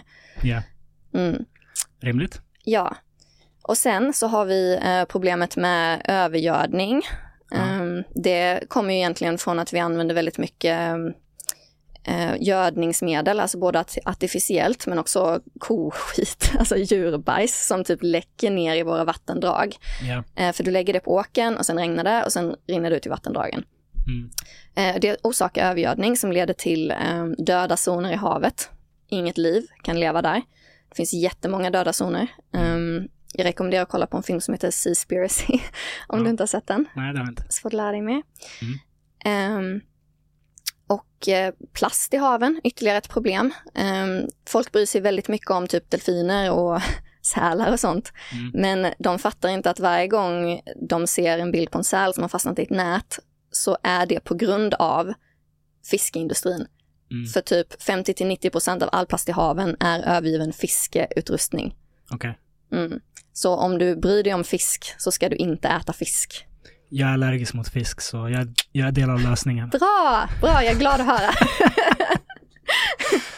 Um, ja, ja, men allt det du säger låter ju väldigt rimligt. Jag, jag har också hört argumentet att ehm, USAs militär Mhm. är den största eh, miljöboven i världen. Så folk, det finns folk som argumenterar att om vi inte lägger ner USAs militär eller av, av, eh, vad heter det, avvecklar USAs militär så, så kommer vi inte möta klimatmålen. Alltså jag har ju inte sett USAs militär som en av eh, de som ligger på topplistan av största utsläppare, men jag vet inte tillräckligt mycket om det så Om- jag kan inte. Om någon har en bra lobbygrupp så, så är det USAs militär. De, de är bra på det här med propaganda. Ja, de kanske släpper ut jättemycket, men ingen vet De- om det alltså. Katastrof. Det, är- Ja. det är ju sådana här stora eh, hangarfartyg som glider runt överallt i alla hav och dumpar olja och Ja, ja, absolut. elände. Mm. Ehm, men eh, two wrongs don't make a right om man säger så. Man Exakt. kan jobba på båda håll. Exakt, man kan jobba på båda håll Mm. och folk brukar ju använda sådana argument ibland mot veganism, Mm. för de kan säga att åh, men jag, jag kan inte eliminera allt onödigt lidande och död. Och jag bara, okej, men betyder det att du måste orsaka en massa extra onödigt lidande och död då? Mm. Bara för att du inte kan eliminera det helt? Mm. Alltså det låter ju helt absurt liksom. Mm. Det är klart att du kan göra så gott du kan. Man kan dra ner på lidandet i alla fall. Ja, alltså eliminera det så mycket som du kan personligen. Mm. Sen vad andra gör, det har du inte så mycket kontroll över. Om du inte blir aktivist. Ja, men till och med då, det är ju fan ingen som lyssnar på mig känns det som. Alltså, Ehm, ja, men jag lyssnar på dig. tack, det uppskattas. Hur, hur gick du från att liksom börja tänka på din egen kost och, och, och vilja eliminera lidande ur din egen, liksom ditt eget liv, så att Mhm. säga. Hur gick du från det till att väl vilja vara aktivist, börja sprida ordet? Du har ju sett Dominion, Mm. du vet hur hemskt det är. Mm. Eh, och jag kände väl att jag kan inte veta att allt det här hemska pågår utan att faktiskt försöka göra någonting åt det. Mm. Att vara vegan och inte orsaka onödigt lidande och död kändes som en moralisk baseline. Mm. Och alltså, det är så det borde vara. Alla människor borde liksom ha det som sin moraliska baseline, att göra så lite skada som möjligt, tycker jag. Ehm, så då kände jag väl bara att okej, men hur, hur kan jag liksom hjälpa djuren? Och det bästa sättet att hjälpa djuren är att använda sin röst. Yeah. Jag har en röst. Jag har inga konsekvenser av att tala för djuren och berätta om deras situation, utan jag är väldigt privilegierad faktiskt som bor i Sverige där vi har yttrandefrihet och jag kan säga vad jag vill och få ut all information som jag vill utan att få några konsekvenser för det. Så det blev eh, ändå ja, jag tror att det är det som är anledningen liksom, till att jag valde att ge mig in i aktivismen. För jag vet att jag har möjlighet att Mm. göra någonting för dem genom att eh, ge folk information. För i slutändan så är det ju inte mitt val. Jag kan aldrig tvinga någon till något. Utan Mm. det måste vara folks egna val. Ja. Mm. Vad var din första aktion, minns du det? Ja, det minns jag. Eh, Det var detta året faktiskt, i, bör- i början på det här Okej, året. så du är ju Jag är en newbie, alltså. ny i aktivismen alltså? Ja, ja, alltså. Okej, berätta. Babyaktivist. Ehm, det var en eh, protest mot päls Mm. utanför Louis Vuitton. Eh, det finns eh, några stora modehus som fortfarande säljer päls, även om majoriteten av dem faktiskt har slutat. Mm. Eh, på grund av aktivisters påtryckningar, vill jag tillägga. Mm. Men de som fortfarande säljer päls är Louis Vuitton, Max Mara och Marc Jacobs. Och ehm, jag joinade en grupp aktivister i Stockholm på en protest utanför Louis Vuitton. Där vi i princip försöker pressa dem till att sluta sälja päls. Okej. Och jag fick världens adrenalinkick. Mm. Det var, jag tyckte det var skithäftigt faktiskt. Vad, vad gjorde ni? Eh, vi står utanför butiken med skyltar. Eh, vissa har text där det står typ drop fur, fur trade är lika med death trade. Ehm, och andra skyltar med bilder på djur från pälsindustrin. Um, som, du har ju sett de bilderna, du vet hur fruktansvärt hemskt det är. Mm. Um, djur hålls i små nätburar och blir flodda levande um, och lider fruktansvärt. Um, så vi står utanför Louis Vuitton med skyltar eh, som har bilder och text eh, och så chantar vi ramsor egentligen, Mm. där vi uppmanar dem till att eh, adoptera en fur-free policy. Okej. Ja, och eh, anledningen till varför vi står utanför butiken fysiskt är för att ehm, det blir väldigt dålig publicitet för Mm. Louis Vuitton. Eh, för alla människor som går förbi ser oss. De blir informerade om att Louis Vuitton inte har något hjärta, eh, att de säljer päls. Mm. Eh, och det shamear förhoppningsvis folk som har tänkt gå in och handla där, för vem vill handla Mm. av en ond människa liksom? Eh, plus att eh, det, vi kan ju typ filma och göra content sociala medier för att nå flera tusentals fler människor så att budskapet får större räckvidd. Eh, och det är inte bara vi i Sverige som gör de här pälsprotesterna heller, utan det sker i hela världen, i alla stora städer. Ja. Så eh, folk som går förbi kan tycka att åh, varför står ni här och skriker? Men de förstår inte att vi är bara en liten del i en stor organisation som gör exakt samma sak. Ja. Ehm, men ja, det var så det gick till i alla fall på det första. Och jag blev väl lite hooked där. Alltså som sagt adrenalinkick och jag tyckte det var så coolt och jag var jätteimponerad av alla de aktivisterna som var där sedan tidigare över hur de arbetar för djuren och Mm. ja.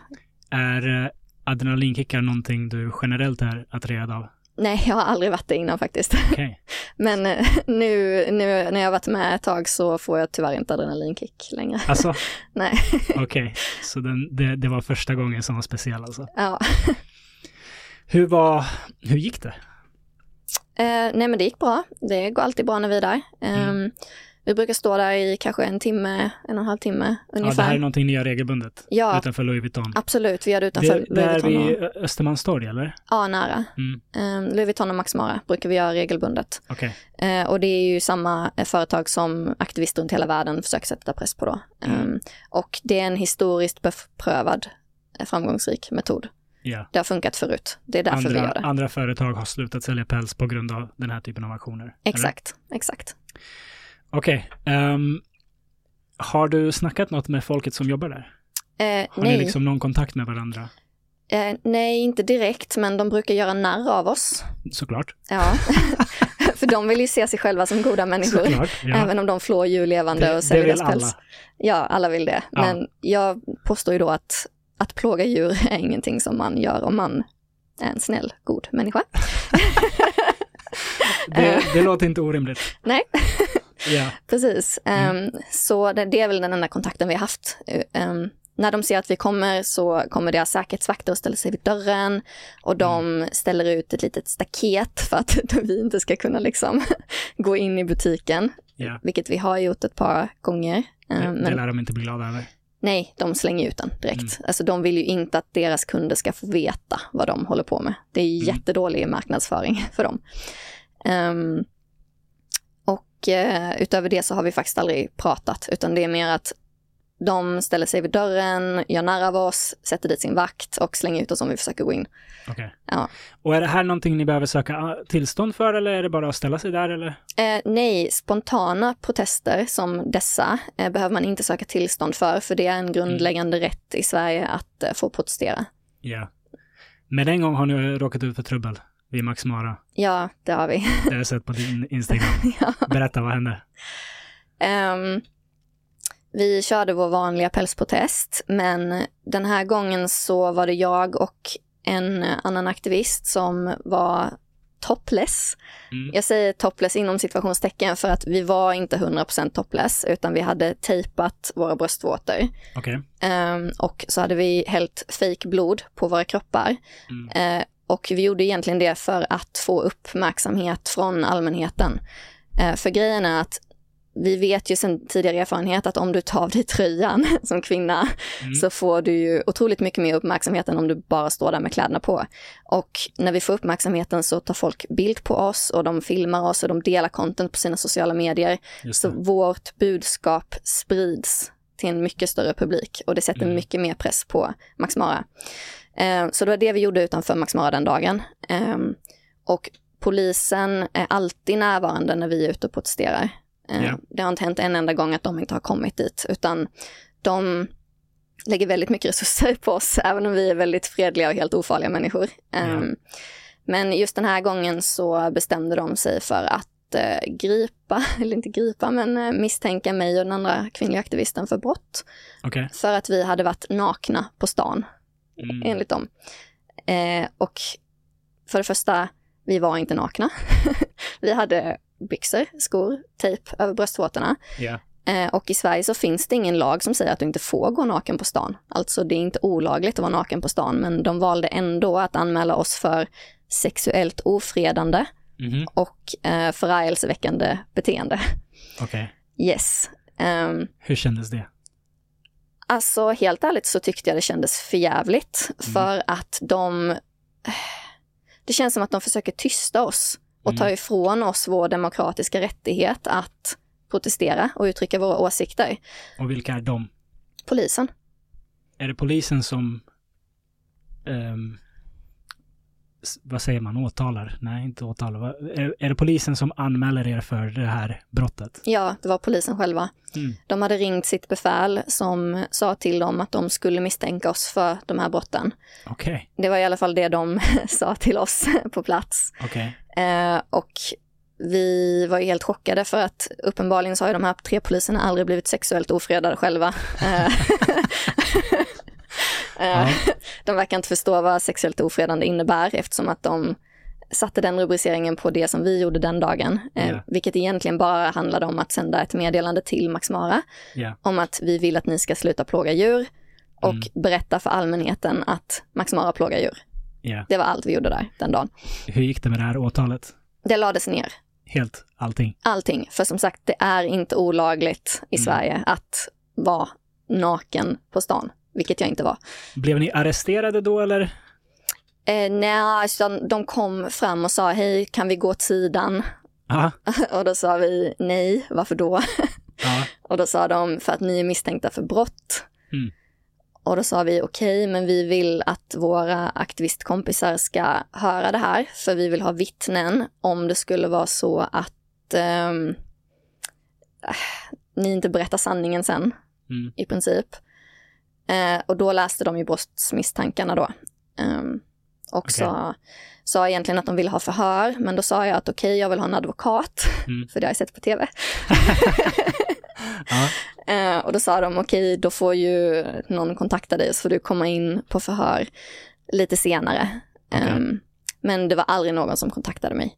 För som Mm. sagt, det jag gjorde var inte olagligt och poliserna visste det mycket väl, utan jag tror att det här var ett sätt för dem att försöka sätta oss på plats. Ja. Jag tror de stör sig kanske på vårt budskap för det första, för jag misstänker att polisen inte är veganer själva. Liksom. Mm. Så det kan hända att de blir provocerade av vår närvaro. Och för det andra så har jag också fått bilden nu senaste månaderna av att polisen finns till för att skydda företag mer än vad de finns till för att skydda djuren och privatpersoner som försöker uttrycka sin åsikt. Mm. Eh, för så fort Max Mara eller Louis Vuitton ringer polisen så kommer ju de som ett skott. Liksom. Mm. Eh, och de försöker alltid säga till oss ehm, Åh, ni måste skruva ner ljudet, eh, ni får inte stå på den här sidan gatan, ni måste stå på andra sidan. Mm. Och typ hitta på regler som inte stämmer. För grejen att vi får protestera vad som helst. Det är Mm. grundlagsskyddad rättighet. Så Ja. polisen har inte rätt att säga till oss att ni måste gå till andra sidan gatan. Mm. Utan de måste låta oss protestera.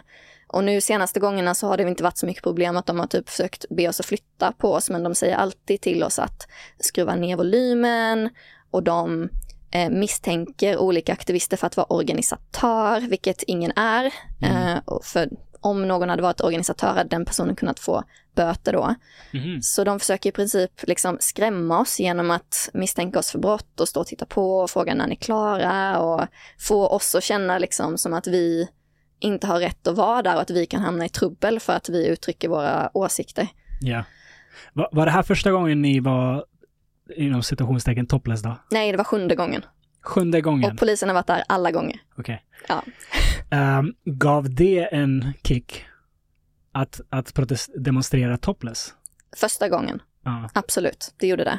Eh, Då var vi typ 20 pass som gick i ett, vad ska man säga, det var som en em, manifestation kanske, eller eh, art display nästan. Mm. För vi hade vikt eh, djurmasker som vi Mm. satte för ansiktet. Eh, och sen var vi topless med bröstvårtorna tejpade och inkletade i fejkblod. Eh, Mm. och med skyltar som promotar filmen Dominion, Ja. som du har sett. Eh, och på skylten står det i princip “Ignorance is a choice”, Mm. watchdominion.org, som är hemsidan där du kan se filmen. Eh, och så hade vi lite cool musik och så tågade vi genom hela Stockholm. Okej. Eh, och det var riktigt ballt tyckte jag. Ja, Ja. förstår det. Ehm, speciellt när man är en grupp sådär, då känns det ju ännu, ännu starkare liksom. Mhm. Ehm, du, du pratade om att i och med att man är topless så, så väcker det mer eh, uppmärksamhet, folk tar bilder och delar. Ehm, att folk tar bilder och delar av andra anledningar än vad ni vill, det stör er inte kanske, eller? För all publicitet är bra publicitet, eller? Ja, lite så faktiskt. Att visst, någon kanske tar en bild och delar fel anledning, men vårt budskap syns fortfarande. Mm. Så jag har inget problem med det. Jag gör inte det här för min egen skull, jag gör det för djurens skull. Och du vet, du har sett bilderna, du vet hur viktigt det är att den här informationen kommer ut. Mm. Så. Mm. All right. Ehm, du nämnde några skyltar. Jag har sett en skylt. Mhm, De, de flesta är som du säger väldigt rimliga saker och budskap. mhm. Men det var någon som hade en skylt där det står Go vegan or go fuck yourself. Eh, jag vet inte. det var ju en lite rolig skylt, eller? det är en rolig skylt, det är det. Men jag vet inte om den hjälper er. Nej, det, det kan jag väl hålla med om. Ja. Men eh, jag tror att eh, jag vet vilken skylt det är du pratar Ja. om. Den är Ja. igenkännbar. Den säger Go vegan or go fuck yourself. ja. Och Ja, eh, den användes på en djurrättsmarsch i Köpenhamn. okej.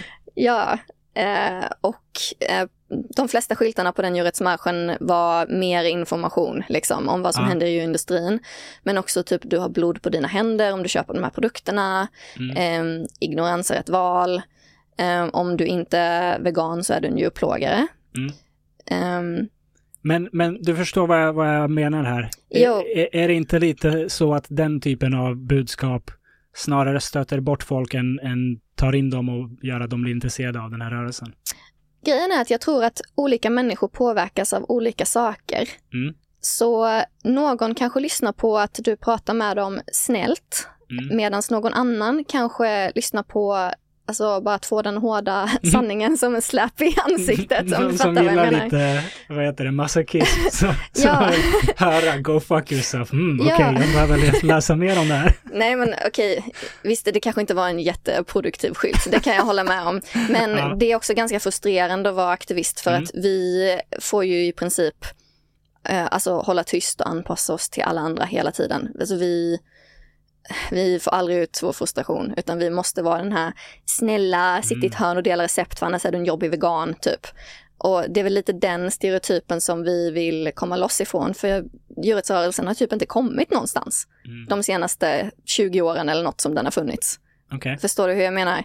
Och jag tror det är för att man har varit för snäll och man har varit den veganen som djurindustrin vill att du ska vara. Mm. Det vill säga den som sitter tyst i ett hörn och inte uttrycker sina åsikter och bara delar recept. Och någonstans måste man ju testa någon annan metod. Eh, och nu finns det aktivister som provar att bara säga sanningen som den är oavsett om den offendar någon eller inte. Mm. Och jag vet ju själv att det uttrycket som fick mig att ta sista steget och bli vegan var eh, du kan inte älska djur och äta djur. Mm. Och första gången jag hörde det så blev jag sjukt provocerad. Okej. Alltså jag var jättearg och Varför? bara... För att jag kände mig bara, åh nej, jag är ingen dålig människa, Mm. men jag äter djur. Och blev jättearg på budskapet Ja. och den här meningen istället för att faktiskt tänka efter att okej, men varje gång jag äter kött, ägg eller mjölk eller ost eller någon djurprodukt så bidrar jag ju faktiskt till att djur lider, blir misshandlade och mördade. Mm. Det är sanningen. Du kan inte bortse från den sanningen. Mm. Och det var när jag hade fått fundera på det här ett tag och insett det som jag bara, okej nu, nu är det fan nog. Nu tänker jag inte göra det här mer. Ja. Det var då beslutet kom.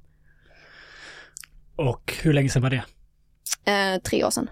Tre år sedan? Mm. Men du har varit vegan längre än så? Nej.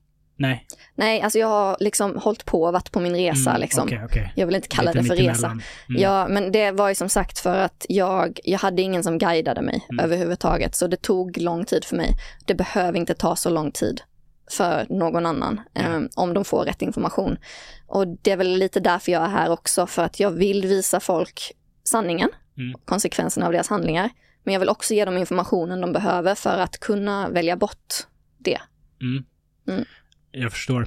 Ehm, tre, så tre år har du varit helt och hållet vegan i din kost? Ja, i början fuskade jag några gånger. Mm. Så, men i två och ett halvt år så har jag varit 100 procent. Hur har det påverkat dig, um, ja, måendet, liksom, att, att ställa om kosten på det sättet? Mycket bra, positivt. Hur då? Eh, alltså innan så hade jag väldigt mycket problem med magkatarr. Mm. Alltså under hela mitt liv så har jag haft så sjukt ont i magen så under vissa perioder så kunde jag typ inte dricka alkohol, aktade mig för fet och spicy food och du vet sådana här grejer. Det har helt försvunnit. Mm. Jag har aldrig magkatarr längre. Okej, och det är så, så skönt alltså. För jag led väldigt mycket då. Mm. Eh, och likadant mina allergier. Ehm, jag är allergisk mot pollen och hästar och katter och hundar. Mm. De har också blivit så mycket bättre. Okej, Denna sommaren behövde jag inte ens ta allergitabletter. ja, vad skönt. Ja, och sen om det beror på min kost, det kan jag ju inte veta till 100 procent. Mm. Men jag upplever det i alla fall. Mm. Så länge det blir bättre så får man vara glad. Ja, Inga negativa effekter. nej, absolut inte. All right. Mm. Tar du mycket eh, så här kosttillskott och sånt? Är det viktigt om man ska ha vegansk? Ja, B12 borde man ju ta, Mm. eh, för det finns ju, det görs av bakterier och djuren i djurindustrin får B12-tillskott. Mm. Det är därför det finns B12 i djurprodukter. Ja. Den enda gången som djuren inte behöver ha B12-tillskott är när de betar på koboltrik mark. Mm. För då kan deras kroppar göra den här bakterien själva och så bajsar de ut den och så hamnar den i jorden i princip. Det blir som Han, ett litet Hans lärde mig att om man äter lite damm varje dag så får man i sig allt B12 Ja. där. Exakt. Du kan liksom välja att ta den här B12-gummibjörnen eller äta lite smuts. Sen, sen jag hade samtal med Hans har jag ätit damm varje dag. Är det så? Och Jag mår bättre än någonsin. Fantastiskt. Nej, nej, inget damm, inget damm, jag skojar. Ehm, Okej, okej, så lite, lite kosttillskott måste man ha. Ja. Det, det är ju det, m- många, eller många, men, men det, en kritik är ju eh, mot veganska föräldrar som ger sina barn Mm. vegansk kost. Mm. Eller liksom folk som börjar med vegansk kost, kanske inte när de är väldigt små barn, men, de är, men, de är, men när de är för små för att förstå sig på sådana här saker som B12 och, och sånt. Och speciellt om de inte kommer från en familj som förstår sig på det så eh, finns det risker att de blir undernärda. Och, och inte minst om man ersätter allt kött med saker som sojafärs och sånt som Mm. absolut är gott och bra men det kanske inte ger dig all näring du behöver när det är halvfabrikat och så. Mm. Ehm, är det någonting du har funderat på eller liksom hu- hur man ska förhålla sig till det här att barn som man vill ge en vegansk kost, att de inte ska bli sjuka för att de saknar något? Alltså, det finns ju forskning på det här. Mm. Eh, och forskningen säger att en vegansk kost är säker för barn och människor i alla åldrar. Um, men det är klart att du måste se till så att barnen får i sig de näringsämnena som den behöver. Mm. Och det kanske man inte får om man bara äter sojafärs, som du säger, utan Mm. hemligheten är att du måste äta en varierad kost. Mm. Um, och få i dig tillräckligt mycket kalorier också, för annars så blir man ju undernärd av den anledningen. Ja, men precis. För om man bara liksom tar bort köttet Mm. från en, vad ska man säga, vanlig svensk kost, Mm då kommer man antagligen inte få i sig tillräckligt med varierande ehm, um, bättre kost. Man måste ersätta köttet med någonting och då är det inte bara att ersätta det med, med vegokorv eller vad de nu kallas, vegansk korv. Mm, nej, jag, alltså, jag hade ju inte haft något problem att ge mitt barn det kanske en gång i veckan. Mm. Jag har inga barn, vill jag tillägga. Mm. Men om jag hade haft barn så hade jag inte haft något problem om den åt det någon gång ibland. Men överlag, När som, du säger att det, då menar du vegokorv eller vad? ja, eller Mm. processerade produkter. Jag äter det ibland, men kanske en gång i månaden, om du Ja. fattar. Det är inte ofta. Men du kan ersätta köttet med tofu, Mm. eh, tempe, seitan, eh, och är seitan för någonting? seitan. He- Hail, kale, praise seitan. vad är det för någonting? Um, det, är, det är veteglutenprotein som Okej. formas till en liten köttbit kan man väl säga. Det känns som att de borde byta namn. Nej, det är ett coolt namn. Ingen vill ge sitt barn seitan. Jag, jag kommer ge mitt barn seitan. Okej då, kör Ja. hårt. Eh, men det är ingen en ny uppfinning utan det, har- det Satan har uppfanns... varit med oss länge. Exakt. det uppfanns av munkar i Kina på typ eh, 1400-talet. eller Låter någonting också sånt. väldigt passande. Ja, Ja. Jag, jag är inte hundra på årtalet där. Men Ja. det, det blir egentligen som en köttersättning. Alltså du kan få den att se ut och smaka som en stek eller kyckling eller Mm. vad som helst egentligen. Så den är helt fantastisk och väldigt så här, ja, enkel att göra med och väldigt Okej. näringsrik också. Och har extremt mycket protein. För det här um, veteglutenproteinet har 75 gram protein per 100 gram okej. du hittar inget kött som har så mycket protein i sig. Mm. Mm. Så eh, det kan man ersätta köttet med, men det finns ju också baljväxter, typ Mm. eh, kikärtor och linser och bönor. Ehm, det finns en svensk böna som heter, eller inte svensk, svensk odlad böna som heter lupin, Mhm. lupin. Den innehåller 40,5 gram protein per 100 gram, till exempel. Jättemycket, det är också mer än typ allt kött liksom. Mm. Ehm, och sen så har vi ju de här, ehm, jag vill säga, inte säga halvfabrikat, men lite processerade produkternas typ um, Svenska färsodlarna till exempel. Mm. De gör vegobollar men de använder hela eh, baljväxten. Okej. Ja, eh, de gör nog någon kebab och färs också tror jag. Mm. Eh, de har ju väldigt bra näringsvärde. Mm. Så det är sådana produkter som man får sikta in sig på istället för de som inte har någon näring och är superprocesserade. Ja, ja. Ja. Det, det är det jag menar, att risken blir att är man okunnig, är, Ja. man, är man ett barn så är det lätt att man hamnar där. För Ja. att det, ja, det marknadsförs. Här är ett eh, enkelt köttsubstitut Mm. och så är det typ, vad heter det, eh, rapsolja 50 procent eller, eller någonting sånt. Liksom. Mm. Um, Okej, jag, jag tycker det här med kost är extremt förvirrande, för man hör, och jag, jag lyssnar på många poddar, Mm. och man kan verkligen höra experter som propagerar för alla möjliga koster Mm. och har studier och har siffror som visar på att det här är den bästa Mm. och någon kommer med helt motsatt bild. Mm. Ehm, jag försökte ett tag sätta mig in i, okej, vad, vad är egentligen den bästa kosten? Och Mm. jag insåg sen att jag, jag, om, om inte de här världsledande experterna kan vara överens, hur, hur ska jag liksom Nej, förstå eh, mig på det här? grejen är att din kropp behöver näringsämnen och hur du Ja. får i dig de näringsämnena spelar ingen roll. Men det vi vet är att djurprodukter orsakar väldigt många livsstilssjukdomar, Mm. eh, såsom nummer ett, dödare hos människor, hjärt och kärlsjukdomar. Mhm. Det är en konsekvens av att du äter djur i princip. Eh, Okej, Yes. hur så? Eh, det är för att det innehåller alltså, animaliska fetter som ökar ditt kolesterol och täpper igen dina blodkärl. Okej. Ja. Och kolesterol finns inte i växtbaserad kost överhuvudtaget. Det här, det här låter som att det skulle kunna vara resultatet av att folk äter typ McDonalds snarare än kött. Eh, ja, absolut, men mm, alltså rött kött Mm. ja, innehåller ju det. Det kan du inte komma bort ifrån. Det är inte bara McDonalds, utan det är liksom rött kött, Om det är köttbullar, hamburgare, bacon whatever. Okej. Ja. Okej. Ehm, växtbaserad kost har inte det problemet som sagt, utan hjärtläkare brukar skriva ut en växtbaserad kost till patienter för att det kan faktiskt reverta deras problem och göra dem friska igen i vissa fall. Inte, Okej. inte i alla fall, men i vissa fall.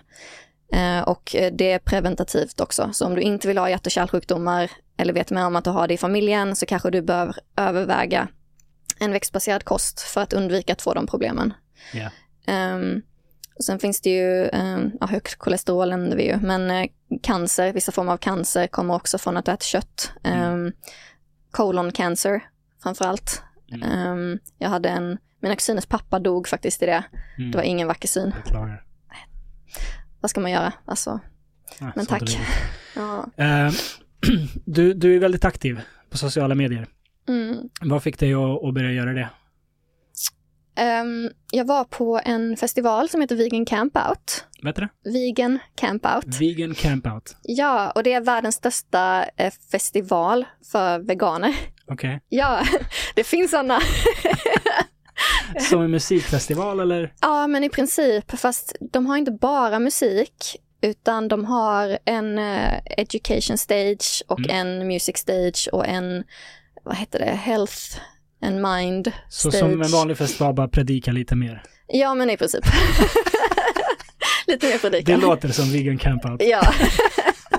Nej, men motsatt till vad många tror så är veganer väldigt pålästa om väldigt många olika ämnen. Det, det är ju som sagt, man måste ju vara det. Ja, för vi blir Om man ska- attackerade hela tiden. Av alla.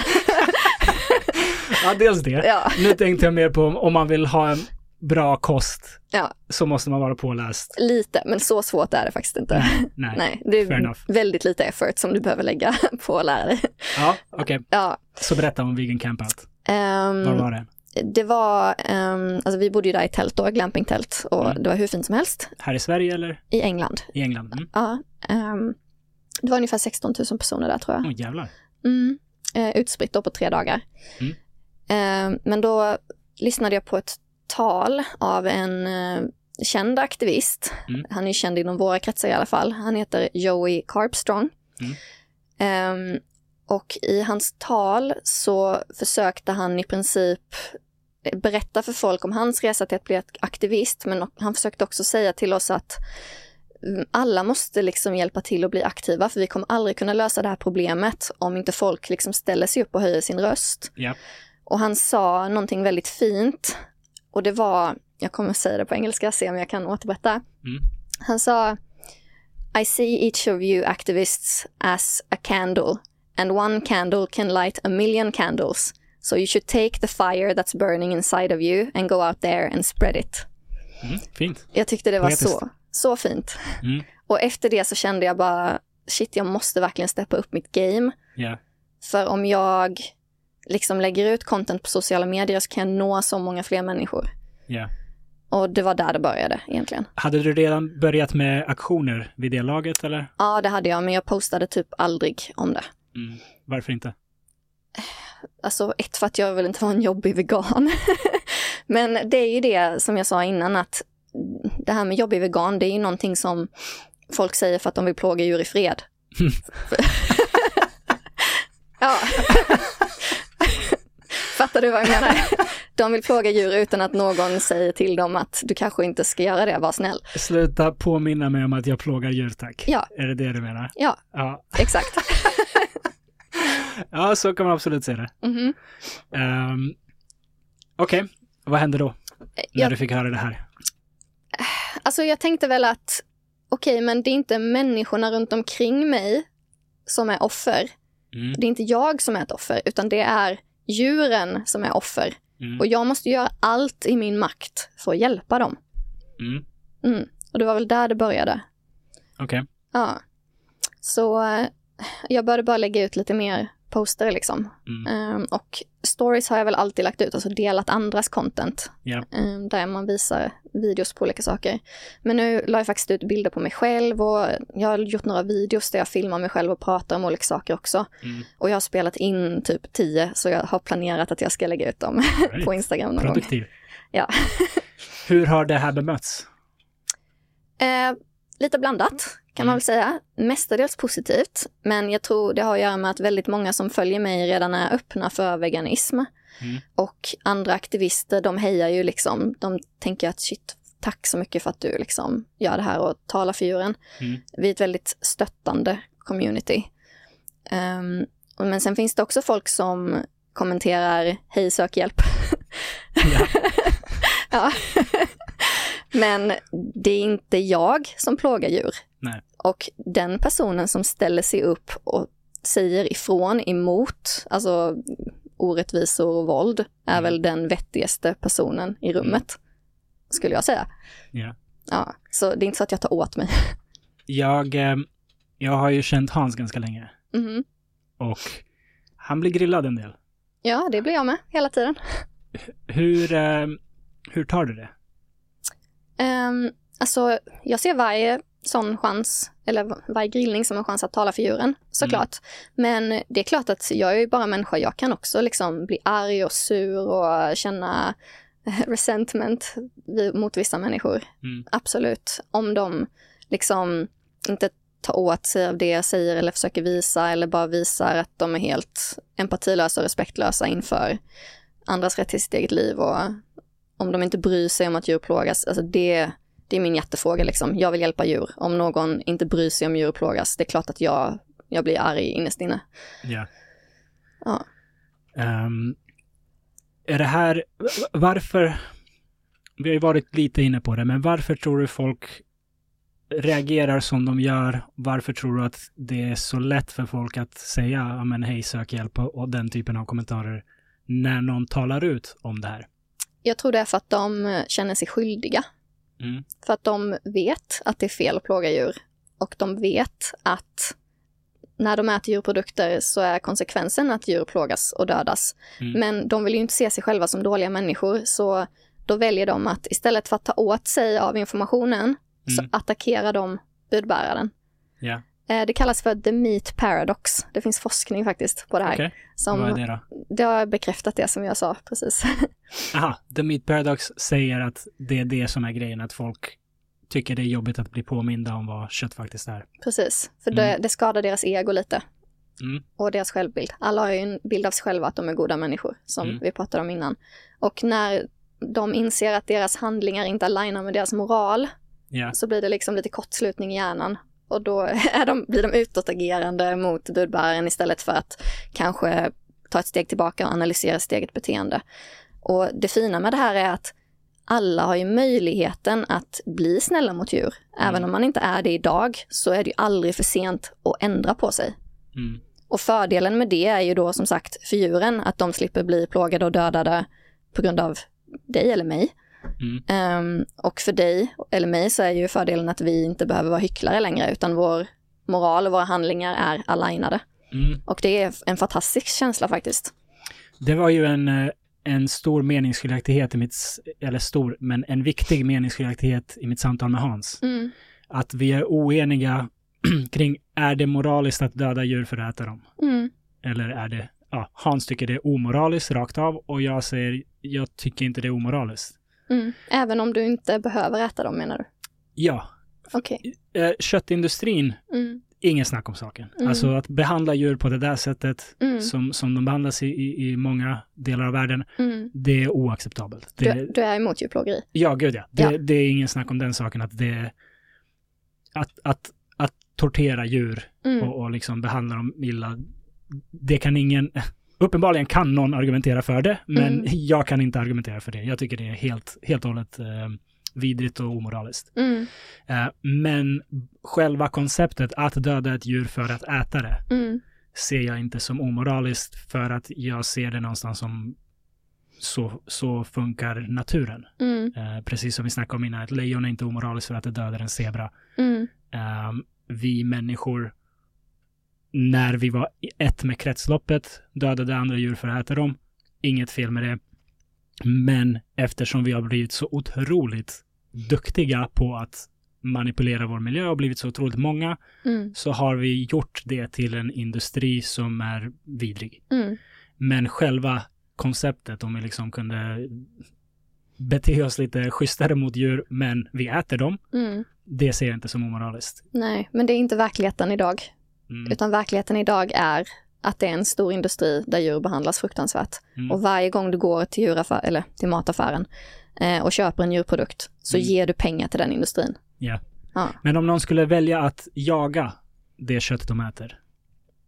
Alltså jag personligen är ju såklart emot det för jag tycker att det är fel att döda någon som inte vill dö. Mm. Men eh, jag har inte lika stort problem med det som med djurindustrin kan jag inte säga.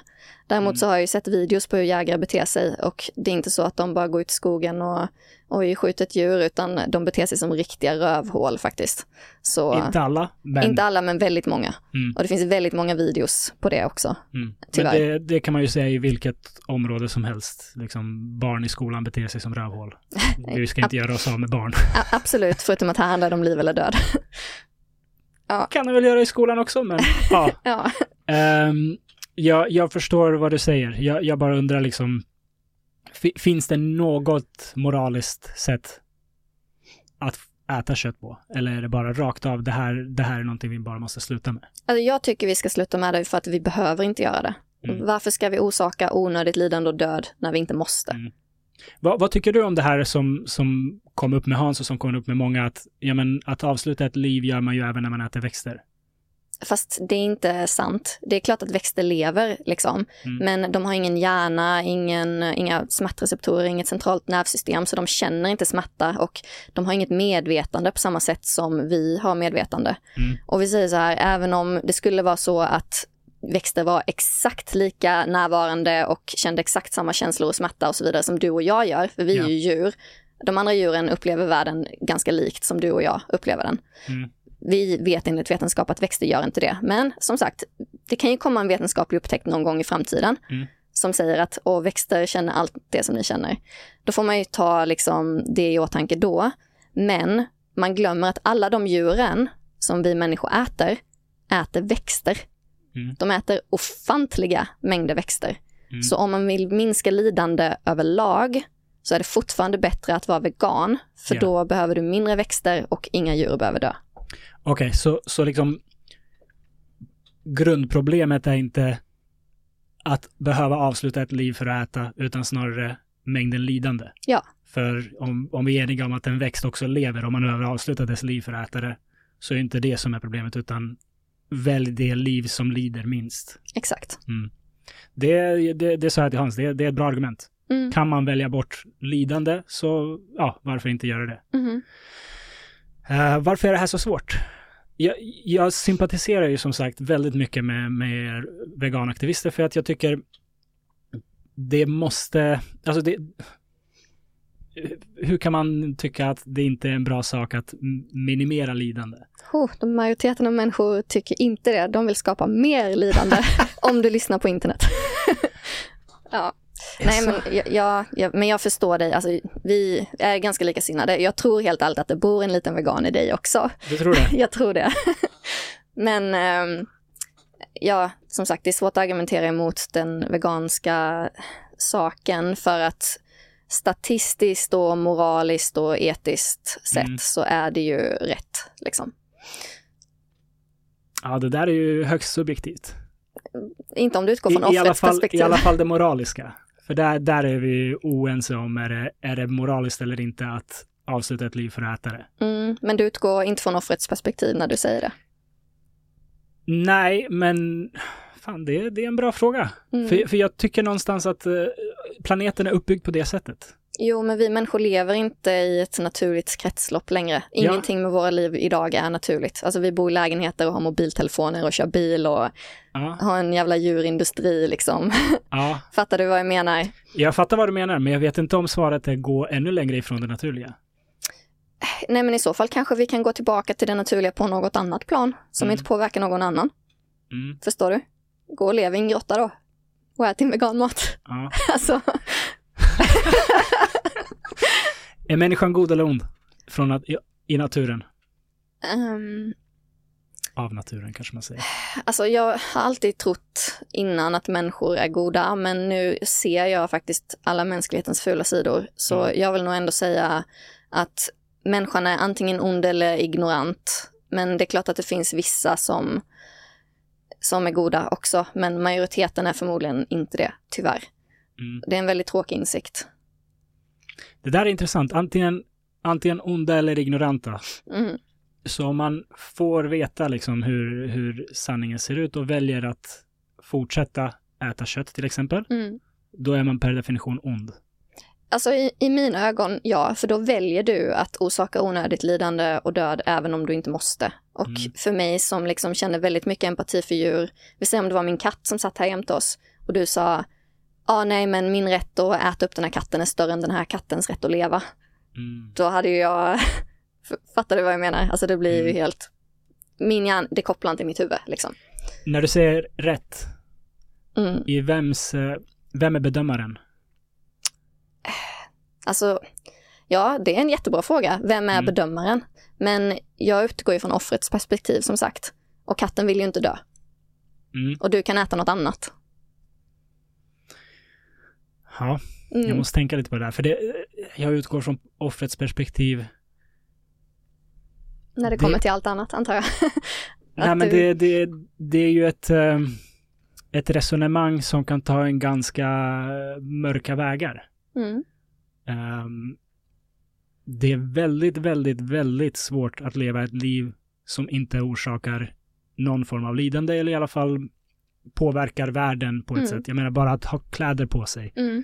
Ehm, vad, vad som helst, alltså. Allt är ju sammankopplat. Mm. Så om man utgår ifrån offrets perspektiv, då är det knappt att det finns utrymme för oss människor. Eh, nej, men du kan ju i alla fall minska lidandet som du orsakar Mm. till den mån det går. Eller hur? Men det är som du säger, det går inte att minimera allt lidande. Alltså, du kommer orsaka lidande bara genom att existera. Men du kan ju göra vissa val i livet som gör att det blir mindre lidande. Och det är Mm. det veganism handlar om. Ja. Ja. Är du troende? Tror du på Gud? Nej, Okej. nej. Det finns ingen högre kraft som eh, sätter de här reglerna. Alltså, jag kan ju inte veta det. Men alltså, jag tror på vetenskap, liksom. Eh, Det är väl det jag utgår ifrån. Men eh, Fa- Fast vetenskap kan inte ge oss en moral. eh, Det här är ju en, en moralisk ståndpunkt att man bör leva ett liv som minimerar lidande. Mm, ja, absolut. Och religion innehåller ju väldigt många moraliska eh, Mm. punkter såklart. Som du ska icke döda och du ska icke ljuga och Mm. behandla andra som du själv vill bli behandlad till exempel. Det är ju kristna värderingar antar jag, fast alla religioner har väl samma. Mm. Eh, det handlar ju bara om att du ska behandla andra med respekt och inte vara ett rövhål i Mm. princip. Mm.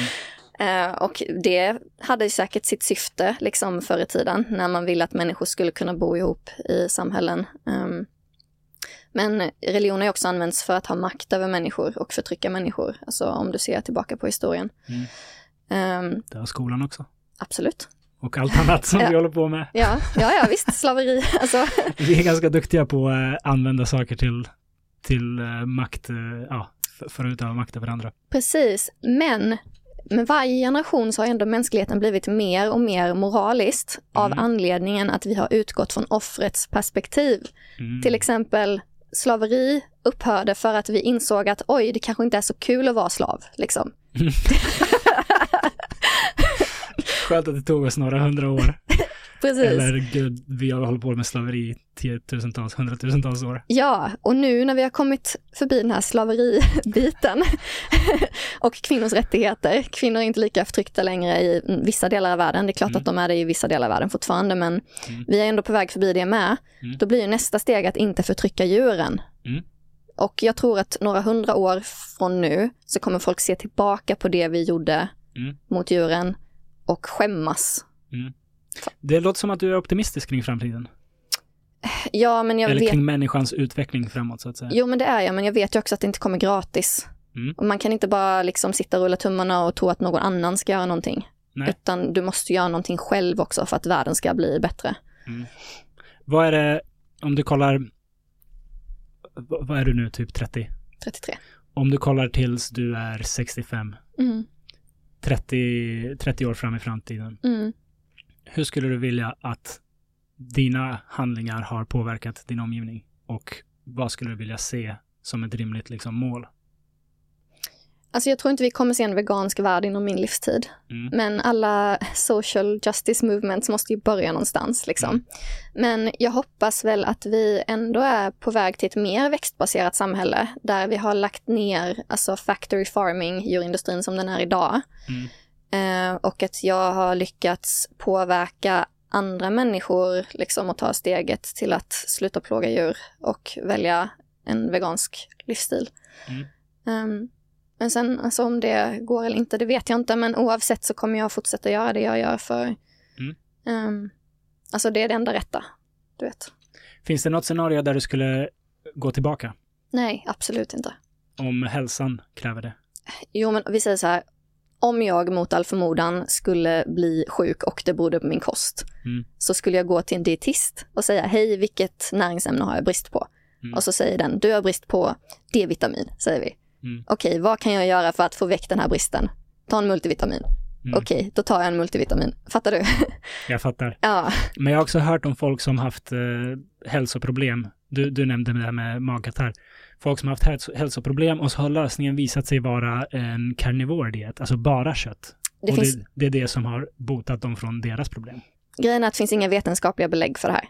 Så jag tror inte på det. Jag tror att det är, mm, vad ska man säga, manlig ego bullshit. Oh, manlig. Ja, det tror Okej, jag. Berätta. För att folk tycker det är så jävla manligt att döda små bebisdjur och äta upp dem. Av någon jättekonstig anledning.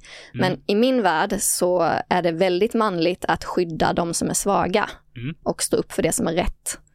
Ja. Men det är inte alla som tänker så tyvärr, utan vissa tycker att det är manligt att döda små djur.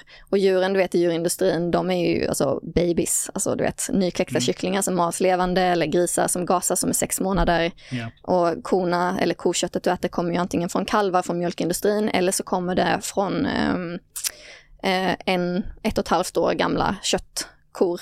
Mm. Och en ko lever ju typ 20 till 25 år så de är barn liksom. Ja. Plus att de här jävla carnivore-snubbarna, det är inte så att de dödar djuret med sina bara händer. Inte för att det är positivt, don't do it. Men de går ju bara till ICA, till köttdisken och plockar ett paket liksom. Ja. Ja, alltså förlåt men det är så jävla omanligt. Och jag tror inte ett skit på det här med hälsan för grejen är att som sagt rött kött är fullt med kolesterol. Så du kommer ju få typ hjärtproblem och det är också cancerframkallande så det är hjärtproblem och cancer och jag vet inte hur bra det är för din hälsa men någonting säger mig att det kanske inte är det som är den hälsosamma vägen att gå i livet. Jag har ingen aning liksom vad, vad, vad det finns för vetenskap bakom det. Jag vet att det är folk som har pratat om hälsoproblem de har haft Mm, och deras dietist har sagt testa carnivore-diet mm. och så har de gjort det och det har hjälpt dem. Du tror inte att det är någon som bara säger det antingen för att de vill ha views eller likes eller för att de är sponsrade av en eh, stor köttindustri? Det kan man väl säga om allas synpunkter. Absolut, men särskilt när det kommer till någonting som carnivore liksom, som Mm. inte har några vetenskapliga belägg överhuvudtaget. Um, alltså, jag tycker det känns som det är något riktigt fuffens. Eh, Mm. för det finns nog ingen dietist som skulle säga att sluta ät livsviktigt fiber, sluta äta typ alla vitaminer och mineraler som finns i grönsaker. Ät bara kött som proppar igen dina artärer så att du får en hjärtinfarkt. Ja, Fattar du? Ja ja, jag hör dig. Jag Ja. hör dig. Jag, jag påstår mig inte Ja. kunna det här tillräckligt väl. Nej, Ehm, men jag har hört om historierna och absolut. det kanske hjälper någon. Det kanske inte gör det, vad vet jag. Ta det med en nypa salt, skulle jag säga. ja. Ehm, tänker du att det kan stämma även om vissa av de här sakerna du hör om veganism? Att det är grupper som tjänar stora pengar på, vad vet jag, soja. Sojaodlare kanske pushar studier och statistik som stöttar veganism. Eh, nej, det tror jag inte, för att 80% av all soja som odlas i världen blir djurfoder. Mm. Så eh, sojaindustrin hade ju pushat för djurprodukter i Nu- så fall. Nu, nu tog jag bara ett exempel, men du Ja. förstår vad jag menar. Tror du inte att även den sidan av argumentet kan ko- korrumperas med pengar, så att säga? Alltså, det finns inte så mycket pengar på den här sidan. I jämförelse. Alltså? Nej, det finns inte det. Alltså, växtbaserade matbranschen är så här liten om du jämför med den jättestora onda köttindustrin som är på den sidan. Liksom. Vi behöver lägga till onda. ja. Ja. Så om du jämför liksom tillgången till pengar det, Ja. det är inte jämförbart liksom. Och överlag så skulle jag väl nog säga att de flesta forskare förhoppningsvis inte liksom blir mutade av pengar för att få fram vissa eller särskilda resultat, även om det såklart händer, absolut. Mm. Det har man ju sett att typ mjölkindustrin, de brukar ju finansiera studier med typ 11 testpersoner och kommer fram till att Mm. mjölk är det bästa. Jo, men det är ju därför jag Ja. frågar det här, för det här händer ju i alla områden och jag tror absolut att den veganska delen av befolkningen inte liksom immun mot detta. Nej, absolut inte. Men sen samtidigt så vetenskaplig konsensus är ju som sagt att kroppen behöver näringsämnen och inte djurprodukter. Och hur du väljer att få i dig de näringsämnena, det är upp till dig. Och eh, som The Academy of eh, Nutrition and Dietetics säger så är ju en växtbaserad kost hälsosam i alla skeden i livet. Och jag tror ändå att man måste tro på de stora hälsoinstituten liksom. Ehm, däremot så, ja, det är klart som du säger att det kanske finns några studier som har blivit betalda för att komma fram till vissa slutsatser. Det kan inte jag säga med säkerhet att det inte händer. Mm. Såklart. Det är det jag menar. Jag, jag menar inte att liksom säga att du, du har fel, utan jag menar att man ska vara på sin vakt. Absolut. Och- Jo, det gäller ju allt i livet. All information. Speciellt när det är något som bekräftar det man vill tro. Eller Mm. liksom det, man, det man brinner för. Då är det extra viktigt att vara noggrann. Inte för att liksom... Alltså, både såklart för att eh, man vill ju komma åt sanningen, men också för att... Eh, för kredibilitet. Mhm. Ja, Om, om någon skulle komma och eh, faktiskt kunna säga till dig, den där studien du citerade, eller det där institutet du, du citerade, men det sponsras av, mm. vad vet jag, Anamma. exakt. eh, då, då liksom förlorar ju du kredibilitet. Så då är det, därför är det väldigt viktigt att kolla allt sånt, även på sitt håll. Ja, och det, veganer är extremt duktiga på det här för Mm. att folk letar ju efter orsaker att diskreditera oss och folk försöker ju slå Mm. hål på vårt budskap och vårt levnadssätt liksom. Mm. Hela tiden. Alltså man får inte en paus en sekund. Mm. Så vi som grupp är väldigt duktiga på att vi alltid utgår från vetenskapen liksom som finns och inte bara en studie då ofta utan konsensus eller en sammanfattning av majoriteten av studier när vi uttalar oss om när det kommer till hälsofördelar. Ja. Men också ur min synpunkt, även om jag skulle vara 10% mindre hälsosam på en vegansk kost, Mm. vad spelar det för roll? Jag har ju räddat tusentals liv liksom genom att vara vegan. Mm. Så de här 10 procenten på min hälsa kanske är värt att offra för att rädda så många liv Ja. och minska min påverkan på planeten. Ehm, förstår du vad jag menar? Jag förstår vad du menar. Mm. Jag instämmer. Eh, är det lite av en, eh, en, en eh, vad ska man säga, en privilegierad position att kunna vara vegan? Nej, de bil- billigaste maträtterna är ju veganska. Alltså jag tänker typ eh, potatis, pasta, ris, linser, bönor. Jo, här. Ja, Men nu tänker jag på en global skala. Eh, alltså jag bara utgår från att det är så överallt i hela världen. Det vet jag inte, det kanske inte är så. Det finns säkert något ökenland liksom, där det är skitdyrt att vara vegan. Mm. Men då måste man ju komma ihåg att eh, alltså, djuren som de äter, de äter ju foder som har odlats och det hade ju lika väl kunnat ätits direkt av människor. Mm. Och fodret hade ju, eller de växterna hade ju kunnat mata fler människor än vad de kan mata djur liksom. Jag Mm. tror conversion rate är typ för om du matar en ko 25 kalorier så får du en kalori tillbaka i form av kokött. Ja. Och om du matar en gris typ 15 kalorier så får du en kalori tillbaka i form av griskött. Och för kyckling är det att du matar den 9 kalorier och så får du en kalori tillbaka i kycklingkött. Mm. Ja, så jag menar bara att djuren som de äter i de här länderna där det tydligen är svindyrt att äta växter. ehm, Mm. Eh, alltså de hade ju lika väl kunnat välja att inte ge djur, de här, alla de här djuren en massa foder och bara äta de växterna direkt. Jo, men man ger ju inte dem liksom foder som är uh, jättenyttig soja som vi också kan äta, utan de går ju och betar gräs. Eh, majoriteten av djur gör inte det. Ja, men i, ja, de, de äter ju saker ute i naturen. Nu tänker jag alltså på eh, länder där, är- där man inte har det lika bra ekonomiskt ställt som här. Mm. Nej, visst. Om, om det enda som finns att äta är en ko Ja. som bara äter gräs och det är så dyrt att köpa linser så att du inte har råd att köpa det i mataffären. Absolut, då är ju du i en situation där det kanske inte är praktiskt möjligt att vara vegan. Liksom. Mm. Men veganism handlar ju om att vi vill, eller vi är emot exploatering och eh, grymhet mot djur. Mm. Ehm, så långt som är typ possible and practicable, säger Ja. man på engelska. Så det betyder ju inte att vi har nolltolerans liksom, utan det är klart att man måste se till varje individs situation. Ja. Ja. Jag förstår. Eh, är du med i någon sorts grupp? Eh, Som aktivistgrupp eller? Nej, egentligen inte, utan när jag är med på aktivist, ehm, vad ska man säga, events, Ja. så är det olika grupper liksom. Okej. Ehm, så vi är ju ett gäng aktivister som gör eh, aktioner i olika gruppers namn. Så en av dem är eh, Direct Action Everywhere, Mhm.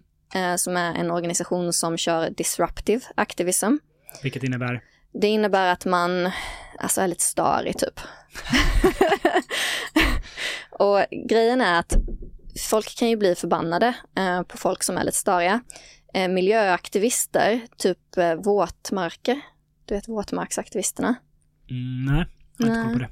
Inte? Nej. Oj. ehm, de heter Återställ våtmarker. Okej. Och de vill återställa våtmarker. Det är bra branding. ja, precis. Rak kommunikation. Yes. De använder sig också av det eh, och då typ gör de olika olydnadsaktioner, typ sätter sig på motorvägen. Okej. Ja, och det är ju, Ah, okej. ja, det är för att de vill vara lite störiga och säga okej, ni kan släppa ut eh, koldioxid i de våtmarker, men då sätter vi oss på motorvägen tills ni bestämmer er för att göra någonting. Och vi blir Mm. fler och fler. och grejen är att de gör inte det för att de är idioter, utan de gör det för att det här är en beprövad metod av aktivism som har visat sig liksom framgångsrik i tidigare social justice movements. Typ Mm. mot slaveriet och för kvinnors rättighet och så vidare. Och ehm, Direct Action använder ju också den metoden då. Okej. Ehm, och det handlar ju då om att man, man gör något. Liksom. Eh, så vi protesterar mot päls utanför Louis Vuitton och Max Mara då som sagt, för att pressa dem. Mm. Men grupper i andra länder har typ gått in på um, bondgårdar, eller factory farms och filmat och tagit ut sjuka djur därifrån och tagit dem till veterinären Ja. och sådana grejer. Så det är en av grupperna. Mm. Ehm, och sen så PETA kör vi demonstrationer med. Mm. Ehm, och det handlar om att um, H&M ska sluta sälja dun. Um, dunindustrin är ju, alltså det är också en hel djurindustri liksom, där djur plågas och dör. Mm.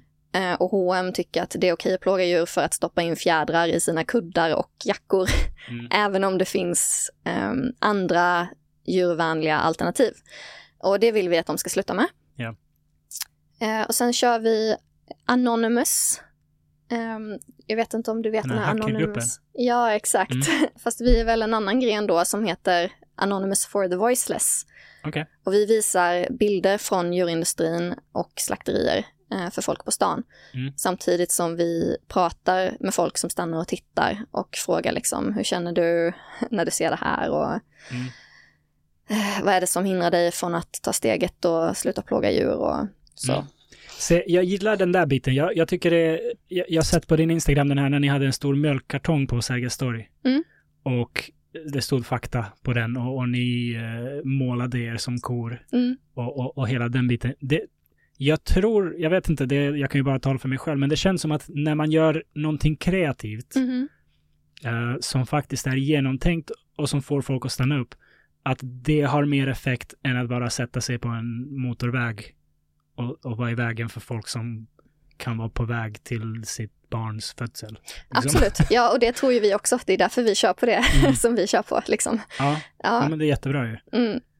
Om ni skulle skaffa en projektor och, och projicera upp eh, Dominion. Gud vilken bra idé! Ja, Vi har vårt nästa aktivistevent här. jag, jag snott Ja. den idén från en podd jag hörde med en snubbe som heter Brett Weinstein som sa det att Mm. Varför inte göra någonting mer kreativt Mm. som ingen kommer kunna liksom eh, gå förbi utan att spela in. Eh, Han föreslog 3D-projicering, att eh, du vet när en yta, en vägg har, eh, vad heter det, ja, fönster, balkonger och så vidare som sticker ut så kan man göra 3D-modellering av det och sen Mhm. liksom få de grejerna att se ut som att de rör sig och sådana där saker. ja. Eh, en sån sak Mm. Skulle ju vara, det, ingen tar skada, Mhm. Liksom, i- ingen, eh, du, ni är inte i vägen för någon som kanske är på väg till något väldigt viktigt. Mhm. Det är inte irriterande, Mm. eh, men det är väldigt liksom uppmärksamhetskrävande. Ja. Ingen, ingen kommer gå förbi det utan att liksom, ja, tänka på det. Det är en fantastisk idé faktiskt. Jag ska ta med Ja. mig den eh, och prata med de andra. Gör det, gör det. Tack. Men eh, det jag ville fråga egentligen, Mm. vet du om, eh, är, det, är det ens lagligt? Jag har ingen aning om hur det funkar. Man kanske måste vara väldigt så snabb och projicera upp lite Dominion och sen Mm. vara beredd på att springa. Vi kanske hade behövt söka tillstånd, antar jag. Mm. Eh, Men det känns ju som att det borde räknas som en vanlig typ demonstration. Vi söker tillstånd för vissa av dem vi gör. Eh, inte Mm. alla som sagt, om det är spontant behöver man inte, men när vi kör Anonymous for the Voiceless och visar upp slakterivideos, Mm. eh, då har vi alltid tillstånd av polisen. Och när det är en, sån, säg att ni gör en, eh, en aktion som bara är ni med, med skyltar Mm. och en aktion som är ni, fast ni visar upp riktigt brutala videos. Mm. Är det skillnad i liksom vad ni behöver söka? Eh, nej, jag tror inte det. Jag har personligen aldrig sökt själv, utan det är allt, alltid någon annan som Mm. har löst det. Liksom. Men generella regeln är att om det är organiserat av Mm. någon, då måste man söka tillstånd. Men om det inte är organiserat, utan bara är att du och jag sitter här och säger att ja men fan, ska vi gå ner på stan med vår skylt eller? Mm. Ja, då behöver vi inte söka tillstånd. Okej, Ja. då är jag med. Mm. Ehm, jag tänkte på, jag, jag har också sett liksom um, abortaktivister Mm, som visar upp på Sergels torg väldigt liksom störande, stötande bilder. Ehm, och jag har funderat på det där. Om, om det är en sån sak, är det en extra faktor i, i tillståndssökandet eller inte? Men det Nej. kanske inte är det. nej, jag tror inte det. Mm. Ehm, Okej, ja, men då har ni ett gratis tips där. Ja, faktiskt. Alltså, det är jättebra. Det, det är som du säger, att alla sådana här kreativa grejer Mm. är väldigt bra och de får mycket uppmärksamhet och Mm. folk tar emot det väldigt positivt också. Så ofta när vi är på stan och snackar med folk så är ju de väldigt positivt inställda till att vi är där och tycker att det är viktigt, liksom det vi gör. Så detta är bara ytterligare en grej som vi kan, vi kan ja, börja med. grymt. grymt. Mm. Ehm, om du vill leda folk som eh, lyssnar och tittar till någonstans för att ja, se det du gör eller, eller lära sig om det här, var, var skulle du hänvisa dem? Eh, alltså ni kan ju följa mig på Instagram. Malin Branne heter jag. Eh, och om det är någon som lyssnar som är intresserad av att bli aktivist eller bara hänga med och kolla liksom när vi gör våra grejer så är ni jättevälkomna och bara skicka ett meddelande till mig. Ni får jättegärna hänga med. Eh, alternativt så ehm, tycker jag att ni ska följa Joey Carb Strong och Earthling Ed. Eh, de är båda väldigt bra ehm, vad ska man säga, alltså aktivister. De gör väldigt bra aktivism och är väldigt duktiga på att förklara saker för folk. Mycket duktigare än vad babyaktivist Malin är. Tycker du har gjort ett väldigt bra jobb här. Tack. Ehm, men det finns också väldigt många dokumentärer som jag tycker att alla ska se. Och en av dem är ju Dominion, eh, som både jag och Joshi har sett då och båda, båda rekommenderar den. Eller hur? Ehm, jag, som jag sa eh, i samtalet med Hans, jag är för transparens. ja, Ska man äta kött så ska man veta vad det innebär. precis. Och ja, så, så ja, Ja. visst. Sen, sen är den ju kanske inte något man äter till, något man kollat medan man äter. Du, jag, jag kollade Och- på den i, i morse, jag kunde inte äta frukost. Ja. Så usch. Och jag vet inte hur representativ den är för eh, ja, men, i, industrin i Sverige. Jo, men det är exakt samma. Jag har sett bilder från, jag kan skicka en video till dig sen om du är intresserad av att se hur det ser ut i Sverige, men det, Mm. den här industrin ser exakt likadan ut i vilket land du än är i. Okej. Alla länder säger att de har världens bästa djurvälfärd, Mm. precis som vi säger här i Sverige då. Ehm, men det ser exakt likadant ut i alla liksom, länder som har en industri och det är ju alla, alltså länder som Sverige och i Europa och USA och i Australien och Den, den rikare delen av världen. Ja, precis. Så Asien har ju samma system också Mm. egentligen. Men om man åker till ett ökenland i Afrika så kanske de är lite mer hands-on liksom Mm. och har sina egna djur i sin trädgård. Eller, Mm. ja. Men generellt sett så, ja, djurindustrin ser ut så. Ja. Eh, och i Dominion så har de ju inte visat de värsta bilderna, utan de har valt att bara visa bilder som visar standard Mm. procedure, standardutförande. Så, det, så det blir ännu värre. Eh, ja, det absolut. Det blir ännu värre. Jag har sett mycket värre bilder Mm. eh, än det som visades i Dominion, tyvärr. Alltså jag är typ PTSD eh, Mm. efter allt våld som jag har bevittnat, tyvärr. Ehm, men alltså jag tycker det är någonting som alla borde se så att de kan göra ett Mm. informerat beslut. Mm. Eh, men det finns fler dokumentärer som är jättebra eh, och det är Cowspiracy. Mm. Den handlar om eh, kor egentligen och dens miljö och klimatpåverkan. Sen har vi Seaspiracy som handlar om fiskeindustrin. Eh, sen finns det en film som heter Eating Our Way to Extinction som kom 2021 och det är relativt ny liksom, klimatfakta eh, i den. Eh, så man får liksom en bild av hur djurindustrin påverkar vår planet. Mm. Spoiler, djurindustrin förstör vår planet. Ja. Ehm, Ursäkta, nu är det någon på väg in här i studion. Inspelning pågår. Ingen fara, sånt som händer. ja. Sorry för det. Ehm, och sen när det kommer till hälsa då, eh, eftersom du har lite frågetecken, så rekommenderar jag en film som heter Game Changers. Mm. Ehm, Arnold Schwarzenegger har varit med och Mm, gjort den. Ja, den är ju superbra när det kommer till eh, alltså att bara visa att veganism är faktiskt hälsosamt även om du är elitidrottare eller en vanlig person. Ehm, så det är väl de tipsen jag har. Jag vill inte overloada folk. Det var nog en dokumentärlista, men det är jättebra. Ja. Så, så följa dig på sociala medier. Eh, är det någon annan liksom, hemsida eller något som du vill skicka folk till? Ehm, jag går in på watchdominion.org. All right. Jag Yes. slänger in lite länkar i, i eh, beskrivningen också. Ja, tack. Tack så jättemycket för att du ville vara här och eh, dela med dig av allt det här. Tack själv för att jag fick komma. Som jag sa till Hans, jag uppskattar det verkligen. Ehm, jag har inte en väldigt stark ståndpunkt Mm. och jag kan utmana, inte för att jag liksom tycker att någon har fel, utan för att jag är intresserad av att höra Mm. tanke, tankebanorna och eh, jag är väldigt tacksam att du tar dig tiden och liksom, pr- pratar med en, eh, en okunnig snubbe som jag. Så tack Du- för det. Ja, tack själv. Tack för att jag fick vara här. Och eh, tack till dig som har lyssnat eller kollat. Vi hörs nästa gång. Ha det fint! Hej då.